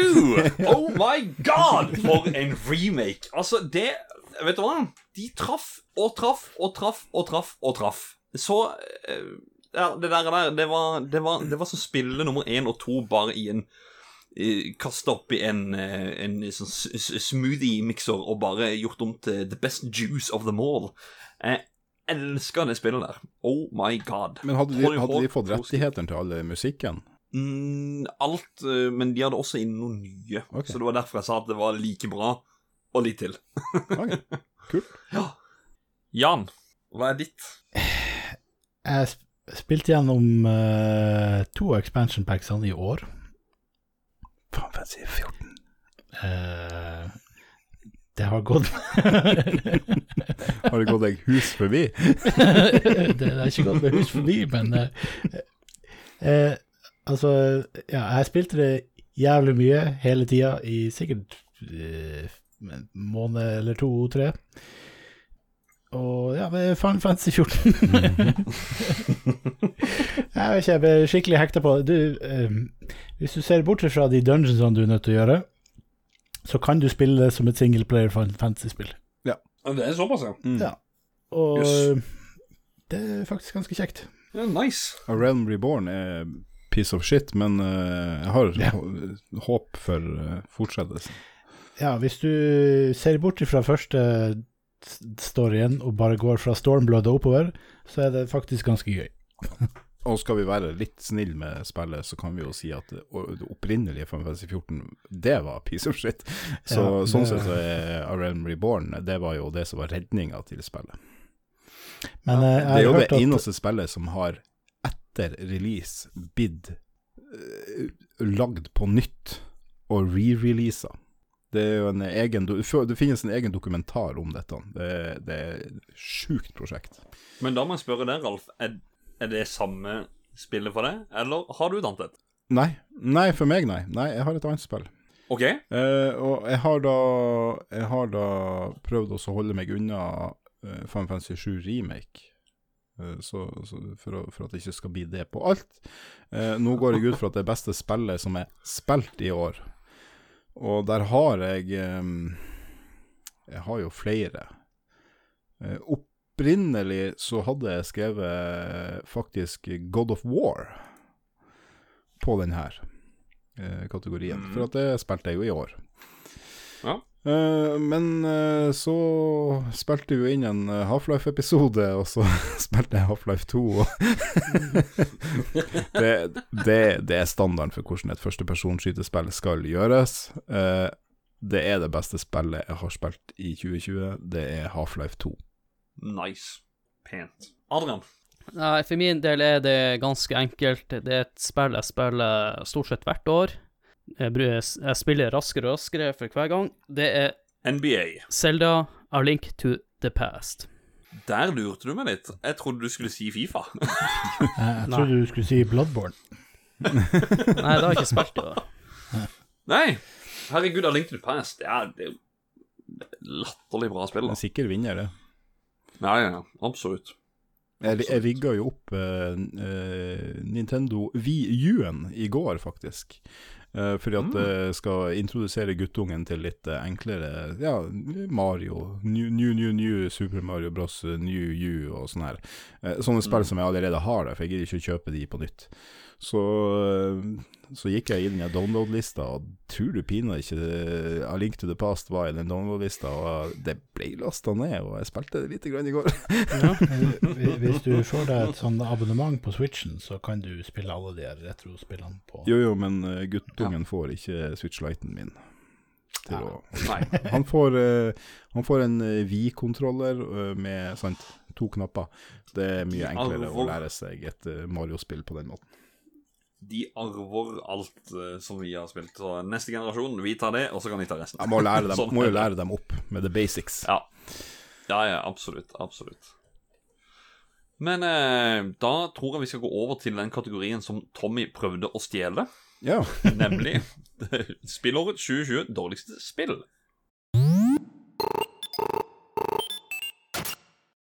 Mitt navn er Carl Thomas Aarum, og jeg har fått den tvilsomme æren av å introdusere årets dårligste spill. Nå har ikke jeg noen kapasitet på dårlig spill, men min absolutt dårligste spillopplevelse fra i år, det er helt uten tvil Destiny 2 Beyond Light. Bungie var en gang selskapet som definerte hvordan vi skal spille actionspill og multiplayer på konsoll. I Destiny 2 Beyond Light så får vi servert 90-tallsoppdrag som Skyt 30 fiender for å komme videre. Det er pakket inn i et uinspirert spillunivers der det eneste man må samarbeide om, er å prøve å skjønne noe av den pretensiøse sci-fi-historien. Jeg hadde virkelig ingen forventninger her, men likevel så blei jeg skuffa over Beyond Light. Ja, Jeg har ikke spilt noe Destiny 2 Beyond Light. Jeg har egentlig aldri spilt noen ting Destiny, så jeg kan ikke si at det er mitt dårligste spill. Men jeg velger rett og slett å starte sjøl, og jeg skal bare si det ganske kortfatta. Fordi at jeg prøvde å dele det litt opp, men det gikk ikke. Uh, Battletoads stikker av med denne også. Det, jeg ble skuffa. Det var dårlig. De prøvde bare noe som ikke fungerte. De gamle spillerne har en variasjon på mapsene som er alltid ifra at du går ned, du går opp, og du går bort og slåss, du skal fly på ditten og datten. De prøvde det her også. Det ble altfor cartoony, ikke badass sånn som de er. Og så var det noe sånn De prøvde et eller annet sånn Donkey Kong Country-greier med sånn hipster-karakterer som bare var totalt uh, uinteressante. Jeg husker ikke navnet på de, jeg husker nesten ikke hvordan de så ut engang. Så Battletoads, skuffende, dårligst. Tjo, vekk med det. I søpla med det. Adrian? Nei, for min del så blir det Fall Guys. Eh, veldig opphausa spill. Det snakka mye om det, men jeg bare Nei, det funka ikke for meg, rett og slett. Det er et spill som ikke traff meg, så min pris går til Fall Guys, som er gratis. Eller i hvert fall var gratis. Det var gratis da det kom. Ja, det var. Ja, jeg har brukt 130 spenn eller hva det koster for noe på, eh, på Steam sjøl. Jeg har ikke starta det på PC. så det, jeg syns ikke det var så veldig stas sjøl. Ralf? Ja, det var fint at du tok meg før han Jan, for at jeg, jeg må bare lese det jeg skrev. Uh, Mm. jeg har jo. Så det, det var sånn Spillåret eh, 2020s dårligste spill, uh, og kriteriet er at spillet har kommet ut i år. Eh, så da Da er det liksom spillene eh, Det dårligste ut av de jeg har spilt, og som kom ut i år. Det det er jo det er litt vanskelig, sant? for at ut av de spillene som har kommet ut i år, så har jeg spilt Star Wars Squadrons, The Last of Us 2, Final Fantasy 7 Remake, eh, Doom Eternal Har jeg glemt noen, da? Eh, Det vet jeg ikke. Nei, de andre. Horizon Zero Dawn kom jo ikke i år. Nei. Eh, God of War kom ikke i år. Bloodstained Nei. Ritual of the Night kom heller ikke i år. Uh, muligens at jeg har spilt noen andre. Så, eh, og så har jeg kommentert på en sånn, sånn på sida. Jeg har ikke lyst til å si at noen av dem er sånn skikkelig dårlig spill. Eh, så jeg har jo lyst til å bare si Og så tenkte jeg for et spill som jeg ikke har spilt, men som jeg har lest om, som jeg holdt på å kjøpe, men som jeg lot være for, å, for at jeg tenkte at uh, Blizzard har ikke akkurat vært uh, A-game på ei stund. Så jeg tenkte at uh, Warcraft 3 er sikkert drit. Det har jo han Adrian Nei, Adrian. Det har han Jan allerede bekrefta, da. Så jeg, jeg tenker han kommer til å si det. Så ut av de spillene jeg har spilt ja, det, blir Star Wars Squadrons eller The Last of Us 2. Jeg sier Star Wars Squadrons. uh, eller The Last of Us 2. De får en delt sisteplass. Uh, Oh men, men, men, men ingen av de er jo et drittspill. Eh, det må vi bare få igjennom. Men jeg har ikke spilt noen nye Jeg har ikke kjøpt noen spill som er drit. Nei, det er, jo, det er jo det som er litt vanskelig med denne kategorien her. Ja. Så jeg vil jo si at jeg hadde bare griseflaks med at jeg har spilt Battletoads, fordi at alle de andre spillene som jeg ramsa opp, så var det jo bare sånn eh, Det er jo ingen av disse her som er dårlige, Nei. sånn egentlig. Nei, nei. Men uh, Battletoads var jo faktisk veldig dårlig, og skuffende. Så mm. For jeg, jeg må bare si, altså de som har uh, slengt The Last of Us eh, 2 på førsteplassen, og jeg jeg, det er sikkert uh, spillåret eh, 2020s beste spill for veldig, veldig mange òg, og vi hørte det jo i mange av de andre kategoriene òg. så må jeg bare si det at spillet det, har det problemet som, eh, som eh, eh, Metal Gear Solid 5 har. Det er det beste gameplayet som eh, spillprodusenten har laga, men innholdet i spillet, det som er fokus i spillet i den type spill, er jo storyen. Den henger ikke på greip, og derfor, det, derfor spillet gjennom for min del. Men det er ikke et drittspill for det. Det er knallkult å spille, grafikken er det er sjukt at de får det til på PS4, og, osv., videre. Eh, Det er masse skryt de skal ha, men, eh, men bare totalpakken for meg funker ikke. Så det er det eneste jeg kan si om det. Mm. Sistemann ut, da, på dårligste spillet. Nei, Jam. Det er Warcraft 3. Ja, det var det. De, eh, de, eh, de lovde mye og leverte Ingenting. Ingenting. Nei, Altså- jeg ja. Du, de fjerna en del ting òg, gjorde de ikke det? Altså, hadde, hadde det her vært kommet ut fra Blizzard når de var independent, og altså Så greit, det var pen grafikk. Men det her Altså, de har jo backinga til Activision. Og de lova jo remastered cutscenes, og de skulle lage cutscenes til sånn story-ting in game. Og de skulle oppdatere storyen som basert på hva som hadde skjedd i, i, i eh, MMO-et. Ja, de lagde fake cutscenes, gjorde de ikke det? I Jo, jo, jo, reklamen? de, de kom jo med Det var jo litt false advertisement inni der òg, bare for å gjøre Det var jo ja. Det, det er akkurat det som solgte meg veldig på det. Den der, eh, At det var hvordan disse her eh, scenene skulle bli vist, da. Ja. Så, jeg fikk, så var jeg det fikk sånn jo med meg alt det var der, jo men cinematics. jeg tenkte jeg skal vente litt, for at Blizzard har ikke levert på en god stund nå. Og, og så bare Ja, det var jo som å se et eh, skikkelig tog-front-kollisjon i sakte kino. Jeg, spil, jeg spilte eh, første missionet, og så fikk jeg det refunda. Ja. Som veldig mange andre sa, de kalte det for Warcraft, eh, Warcraft 3 Warcraft 3 Refund. Yes. Eller re, nei, refunded istedenfor reforged. Refunded. Ja. Men du får aldri lov til å laste ned og spille det originale spillet som du eier. Nei. Jeg har CD-en, da, men eh, jeg har ikke en CD-stasjon i maskinen min, så det Kommer du like langt? Kommer du like langt? ja, ja. Da skal vi hive oss over til siste kategori ut av disse, som er spillåret 2020s beste spill. Altså Game of the Year. Hei, Jon Cato fra Lolbua her. Det er på tide med den siste kategorien, nemlig Årets spill. Men før de andre får lov til å si sitt, så vil jeg peke fram mitt spill i denne kategorien, og det er Spelunky 2! En meget uventa prisgiving der, Jon Cato. Eh, veldig kort, veldig kjapp, 15 sekunder. Smikk, smakk, smokk, ferdig. Spelunky 2 vinner der, altså. Og En busy mann. Han er jo en busy mann. Han er det. Jan, Nei. jeg tror vi begynner med det. Jeg, jeg tror jeg kommer til å være den uh, første av de, uh, den som sier akkurat det samme som de fire andre. Eller tre andre. Det er en fare å det. det er jo et spill som har uh, all hypen, har all nostalgien, musikken, action, gameplayet. Det er jo Final Fantasy 7, remaken. Ja. Ja. Den eh, runger på topp, og det er godt på toppen. Ralf, hva er ditt Game of the Year? Ja. Hva du tror det er? Det Det, er du, du har, Håkon, eh, vi har, vi har diskutert mye. Det kan godt hende at du ikke trodde at jeg kom til å si Final Fantasy 7 Remake eh, som årets beste spill.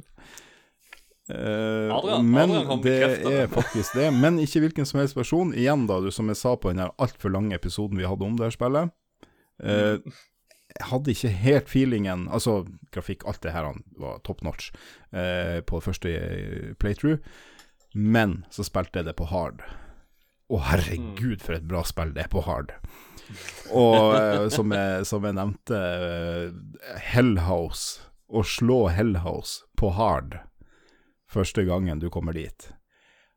Det, det, det bare jeg, jeg, lå i, jeg lå i sofaen og bare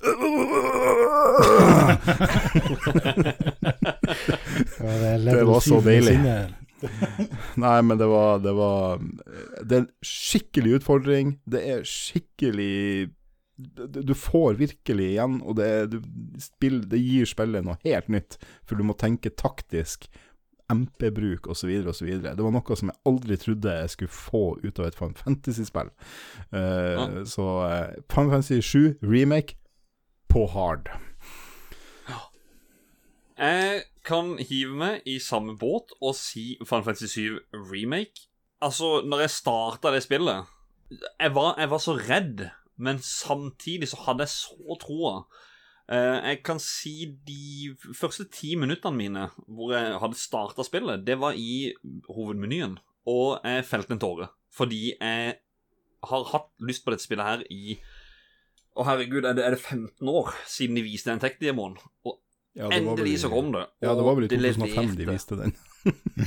Ja, og det er på alle mulige måter så har de levert. Eh, ja, jeg kan trekke ting og tank på det, men altså, bare summa summarum av alt det som sitter igjen Jeg sitter fortsatt med folk og diskuterer dette spillet her, og jeg, det, det runda jeg i mars.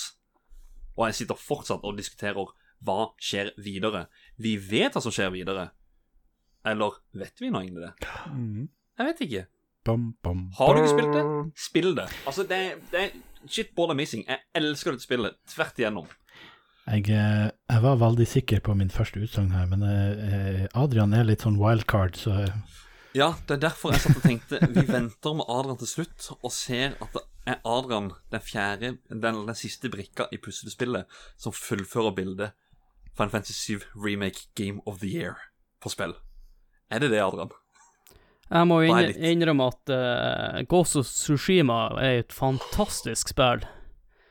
Og eh, jeg hadde ikke forventa at det skulle være så bra. Så det blir min runner-up. Eh, dere har eh, Shit! Dere har Oh God! snakka så mye om det, Final Fantasy 7-remaken, men jeg vil bare påpeke én ting. Jeg er en veldig stor fan av eh, spill som har en, eh, en fengende story. Spillet er veldig Mm. bra. Det er noen sekvenser jeg mener de kunne ha droppa. Spillet synes også er litt for langt, men det er fortsatt det beste spillet som har kommet ut året 2020, for min del. Det, det er som min kommentar eh, om The Last of Us i stad. eh, det er det det går på.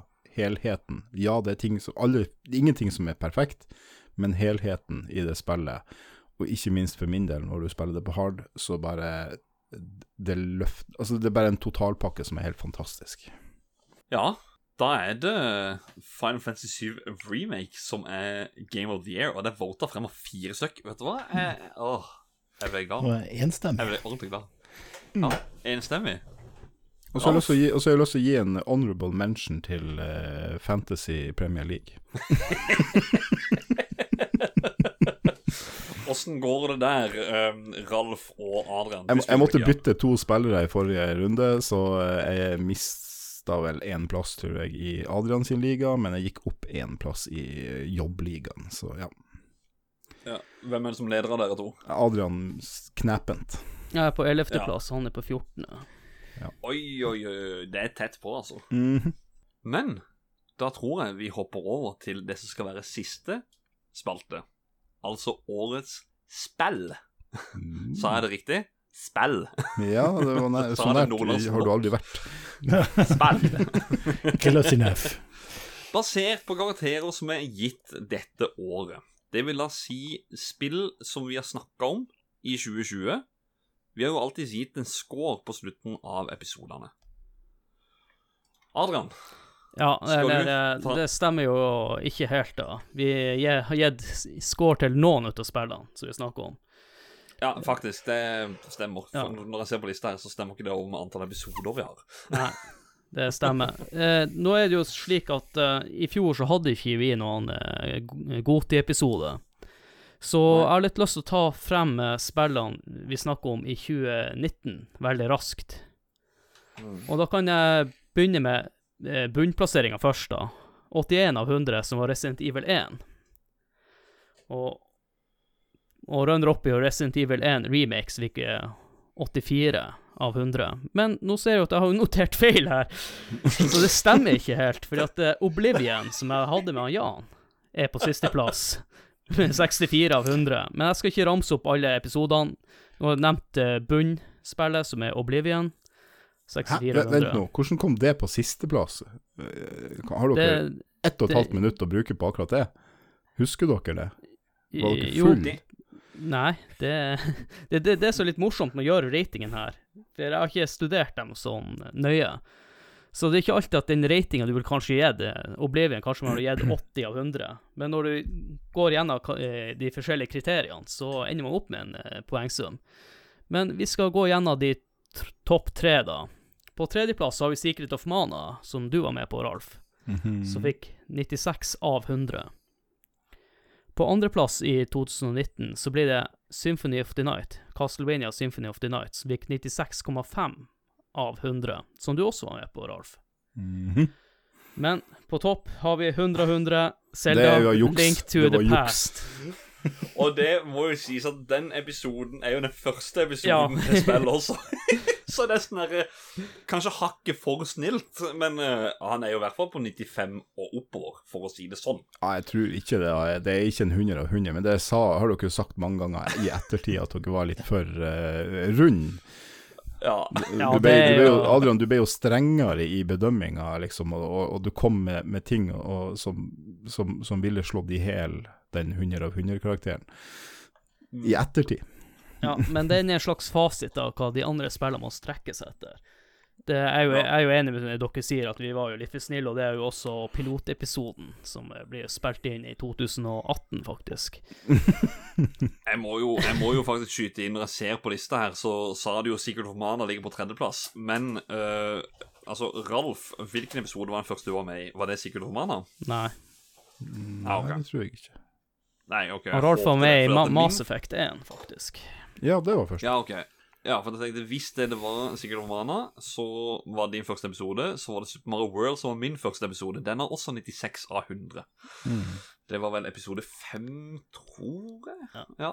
Nei, jeg gir de riktige karakterene. Men uh, gå nå til eh, 2020, Ja, da du ikke er altfor 2020 er det. Vi, vi går fra bunn til topp. På nederst har vi Tony Hawk Pro Skater, som 66 av 100. Kan ikke skjønne det. Runder opp er Super Mario Kart med 69 av 100. Jeg tror egentlig det var 68, men jeg den opp til 69. Eh, Hyggelig. Resident Evil 2 overraska meg, med 81,5 av 100.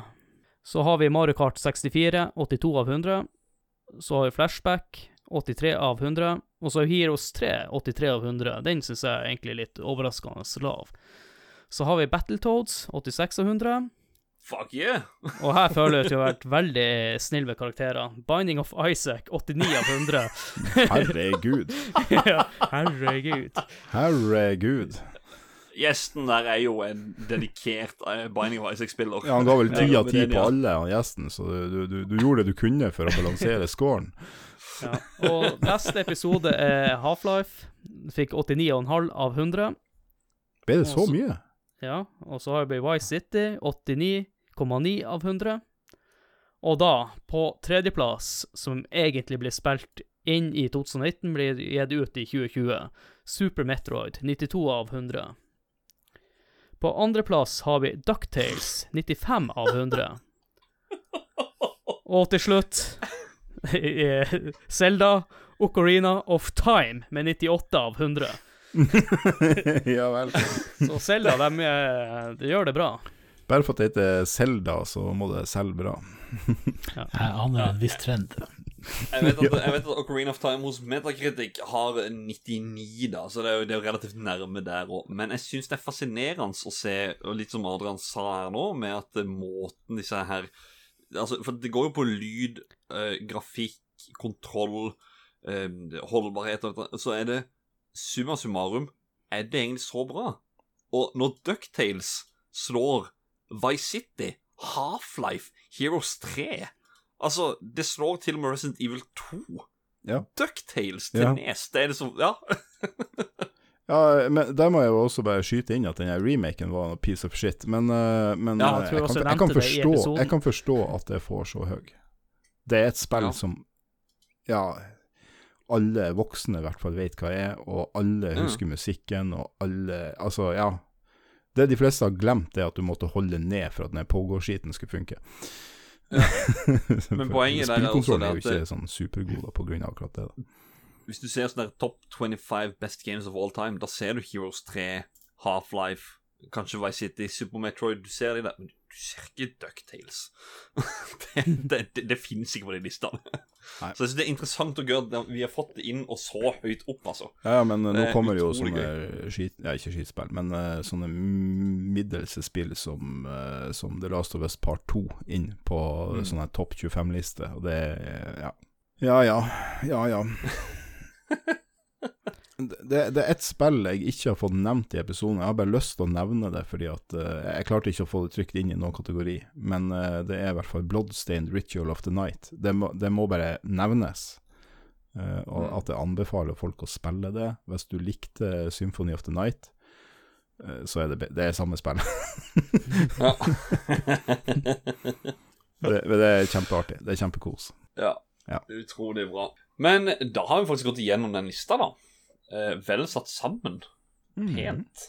Eh, mye, mye, mye bra å, å få spilt. Få det spilt, alle mann. Men eh, jeg tror vi tar en liten pause før vi tar lytternes Game of the Year. Lars Rikard tilbake her. Beklager, jeg trodde jeg var ferdig, men det var jeg ikke. Vi har en bonuskategori. Bonuskategori Beste spill i 1987, folkens. Beste spill i 87. Er det Final Fantasy? Er det Contra? Er det Zelda 2? Er det Castlevania? Simons Quest? Er det Punch-Out? Er det Double Dragon? Er det Maniac Mansion? Er det Wonderboy in Monsterland? Nei da, alt det der er drit. Beste spillet i 1987 er selvfølgelig Daves Midnight Magic eh, til Commodore 64. Spillet ble egentlig laga til Apple 2 helt tilbake i, eh, i 1982. Eh, Hvilken sjanger er det? Vel, du gjetta det, det er et flipperspill. Eh, Helt topp eh, flipperspill. Det var i hvert fall det i 87 og der omkring. Prøvde det her om dagen, det var ikke så bra, men det driter jeg i. Det er det beste spillet fra 87. Takk for meg, god jul igjen. Eh, Beklager, beklager alt det her. Ha det bra. Ja da, ja da. I sin stil så spør vi jo alltid lytterne om, eh, om det som er episodens tema, så vi har jo da spurt i hva er deres Game of the Year. Vi spurte inn på både Discord og på Facebook-kanalen eller Facebook-sida vår. Vi kan begynne med Facebook denne gangen. Den første ut er Tristan Ersdal. Han skriver Genshin Impact på mobilen min. Det Eneste spillet som kom ut i år som jeg har spilt, eh, men jeg digger det. Enkel begrunnelse. Macbooken min klarer ikke å kjøre noe spill fra det siste tiåret. så, så Du må kjøpe Macbook M1, vet du. Da kan du spille alt. ja, så mobilen hans sin er den eneste gaming-devicen. Nestemann er Ståle Baldvinsson. Han skriver selvfølgelig, for vi som kjenner til han, må vel bli Sea of Thieves. Ja, selvfølgelig må det det. Under der kommer Karsten Solheim, kjent som Martyrik på discorden. Han skriver soleklart Battletoads 2020. Ditt forbanna troll, sier jeg da. Kommer Ståle under med 'slenger meg på deg her'. Jens Olav Bakdan. Selvfølgelig skriver han Final Fantasy 7 Remake. Uh, meg og han spilte det her sammen og har diskutert det helt siden det kom ut. Magnus Eide Sandstad Han tar et spark i skinnleggen på denne eh, Ralf. Ja. Han skriver Doom Eternal, Ja. men svarer seg sjøl med eller Broforce. Oh. Det hadde ikke vært et slag i leggen med mindre han hadde sagt uh, Doom Eternal eller uh, Last of Us 2. Ja. Da hadde det vært spark i leggen tilbake. ja, men det var derfor jeg, jeg, jeg føler at eh, du Når jeg setter på årets skuffelse, så det var en, det var en skuffelse for min del, men jeg har Ja. ikke det på det dårlige jeg, jeg vurderte det jo ikke som det dårligste spillet. Nei. For jeg vet jo at det Ja, jeg forklarte grunnen. Ja, ja, ja. I'm sorry, Magnus. Men sistemann inn på Facebook, det er Tor André Kongelf, og han skriver eh, forkorta. Det er jo Shadowlands. Da vener han jo da WoW Expansion Packen som kom ut nå nylig. Vi hopper over til discorden. Da er Philip med F selvfølgelig ute med Final Fantasy 7 originalen, ikke remaken. Han var Det, det er jo hjertebarnet sitt. Det, det er jo, originalen er jo det, det, det er jo hans gull. Eide Øyan, han skriver um, Er det ingen tvil? Hva er det som får vilt fremmede folk til å slå på webkamera for å se om hverandre har pokerfjes nok til å lyve, og alt dette konsumeres fluider av edel sort? Eh, Er ikke bare å holde maska da? Da hinter han jo selvfølgelig til Among us. Og det har vi spilt mye med lytterne inne på eh, her på discorden vår, og hatt webkamera på for å ha pokerfjeset i tillegg. Så det er utrolig gøy. Jeg er dårlig å lyge uten kamera. Ja. det er, noen er jo bare Ja, det var meg. Ja. Bare kast meg ut. I'm, I'm sorry, it was me. Jeg, jeg, jeg, jeg har funnet ut at jeg er veldig god å lyge på hvem som det kan være. Ja. Sånn som han Adrian. Beskylde andre. Og bli- Meg og han ut med en gang.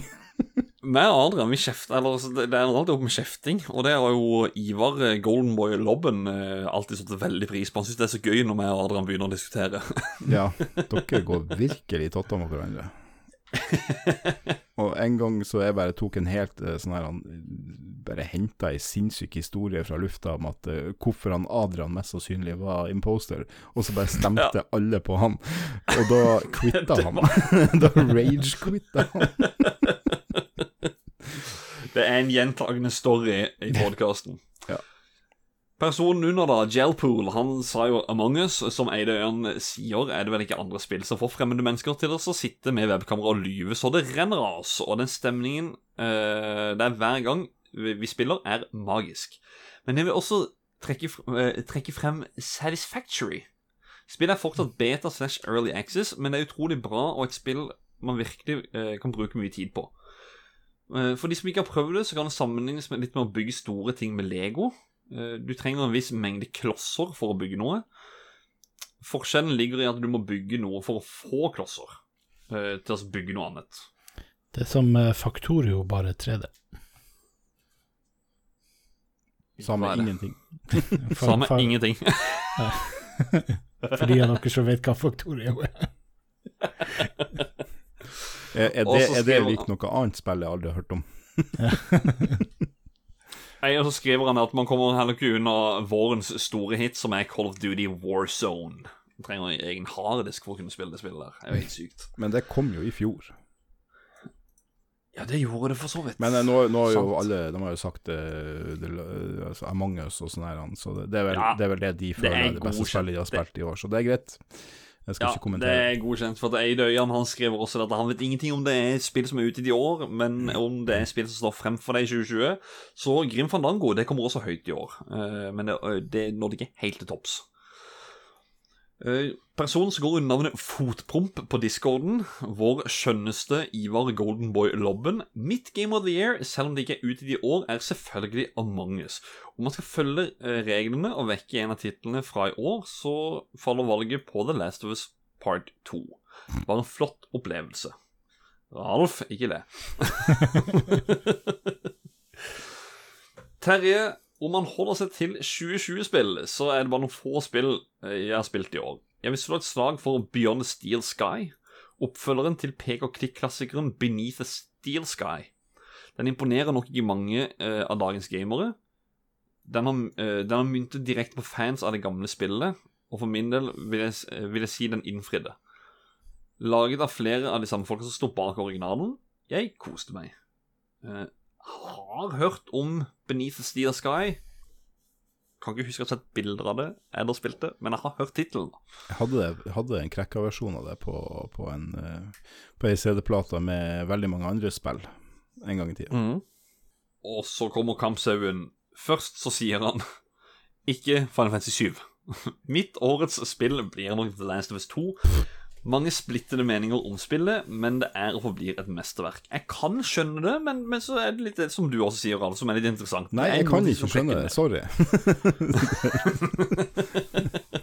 det, jeg, skulle, jeg skulle ønske jeg levde i denne verden som de folkene som har sett det som beste spillet i 2020. Men altså, det Mm. må jo være et eller annet med at folk har sittet inne eh, i ensomhet altfor lenge, som har gjort at de har Jeg vet ikke hva de har opplevd. Mm. Eh, men ja. Nei, vi kan hive oss over til sistemann. Det er jo eh, Øl, også kjent som Martyrik, som også skrev inne på Facebook, altså Karsten Solheim. Game of the Year for meg er nok Hades. Roguelike satt i universet eh, til gresk mytologi. Helt utrolig bra combat og historie som virker eh, som, som virkelig innfrir. Har vært mitt spill som eh, jeg tar et run eller to annenhver kveld siden det kom på Switch. Grafikken er smooth, og Supergiant Games kan virkelig eh, kan virkelig å lage disse indie-spillene som virkelig slår fra seg. Honorable mentions er Persona 5 Royal og Jeg vet det er noen som Nei, kanskje ok, river seg bare nå. Secret of Evermore, ja. det er fra 1995 som er mye bedre enn Secret of Mana. Martin Erik, du har sikkert noen mann av fans her. Men du, eh, Supergiant Games, er det de som lagde uh, Bastion. Best Å ja! Dæven, da må jeg prøve det, Mm. for Bastion, det var fantastisk. Det spillet som Hades. imellom, det, det var jeg ikke helt på. Ja, Hades var helt sykt. Det er Martyrik som har anbefalt meg det før, og når jeg da prøvde det i går Nei, i forgårs installerte jeg det, og det har allerede gått fire timer hvor jeg bare koser meg. Ja, det, det må jeg prøve, da. For at eh, Ja. det, Altså, Bastion var jo helt fantastisk. Den, eh, den stemmen som prater, og ja, bare alt med det spillet er jo konge. Mm. Og musikken òg. Det var jævlig bra musikk i det spillet. Og med alle de flotte lytterbidragene så takker vi så meget for det. Men eh, det er ikke bare de vi skal takke, fordi vi har hatt en drøssevis av gjester i denne podkasten gjennom 2020. Ja, det stemmer, Håkon. Jeg tenker at vi kan jo takke de her eh, i, i lag for det bidraget Ja. de har gjort på de her episodene. Så da vil jeg begynne med å si takk til han Dagve, Så begynner jeg med Trond Sinfor Borgårdsen, Vegard Mudenia, Magnus Eide Sandstad, Christer Runde, Thomas Jørgensen. Jostein Hakestad, og Kenneth Jørgensen, Philip Maurizio Fløgstad, Mats Rindal Johansen Erik André Mamen, og Sigve Digernes, Erlend Dahl Sakshaug, Marius Hukkelås, Adrian Tanem, Orlen, Otto, Otto Erlend Gregersen Lars Rikard Olsen, og som er med i episoden her i dag, Jan Nylund og Ralf William Nummelin. Hey! Yay! Eh, vel, veldig velkommen. Ja. You're welcome very big. Yes. Men Håkon, det er jo flere vi har lyst til å gi en stor takk til. Ja, det, det er det. Skal jeg take it away der, eller skal du ta æren av å nevne den første? Ja, vi må takke vår moderator inne på Discord, som eh, gjør en kjempejobb. Som er han Ørjan Synvåg Drotningsvik, også kjent som The Hawk, inne på Discorden. Det er han som er ideen bak karakteren The Hawk i Cobra Kai. Trust Ja. me. Trust me. Men vi vil også takke alle som har bidratt til lytterspalten, som vi har delt både på Discord og Facebook. Og alle sånne som bruker sin tid til å høre på spill. Ja. Det, vi setter utrolig stor pris på det.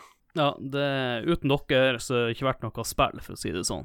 Nei, det er helt riktig. Eller Det kanskje, er- kanskje vært spill, men eh, det var det, Men det er jo den derre Det er dere som er eh, drivmotoren. Altså sånn Ja, hadde ikke folk hørt på oss, tenker jeg sånn Hva lager vi det for? Altså, og, men når folk hører, så er det sånn Det, det gir en gnist på at Ja, det, da vil vi lage mer. Vi vil lage mer. Ja, det er jo noen eh, dager som er litt tyngre enn andre, og det er da man får den inspirasjonen og ekstra Mm. ekstra gnisten. Men da gjenstår det egentlig bare å si takk for i år. God jul og godt nyttår. Ja, god jul og godt nyttår. Jeg sier, sier sånn som de sier til folk på scenen, eh, break a leg på 2021. For good luck eh, har motsatt effekt, tror jeg. Ja.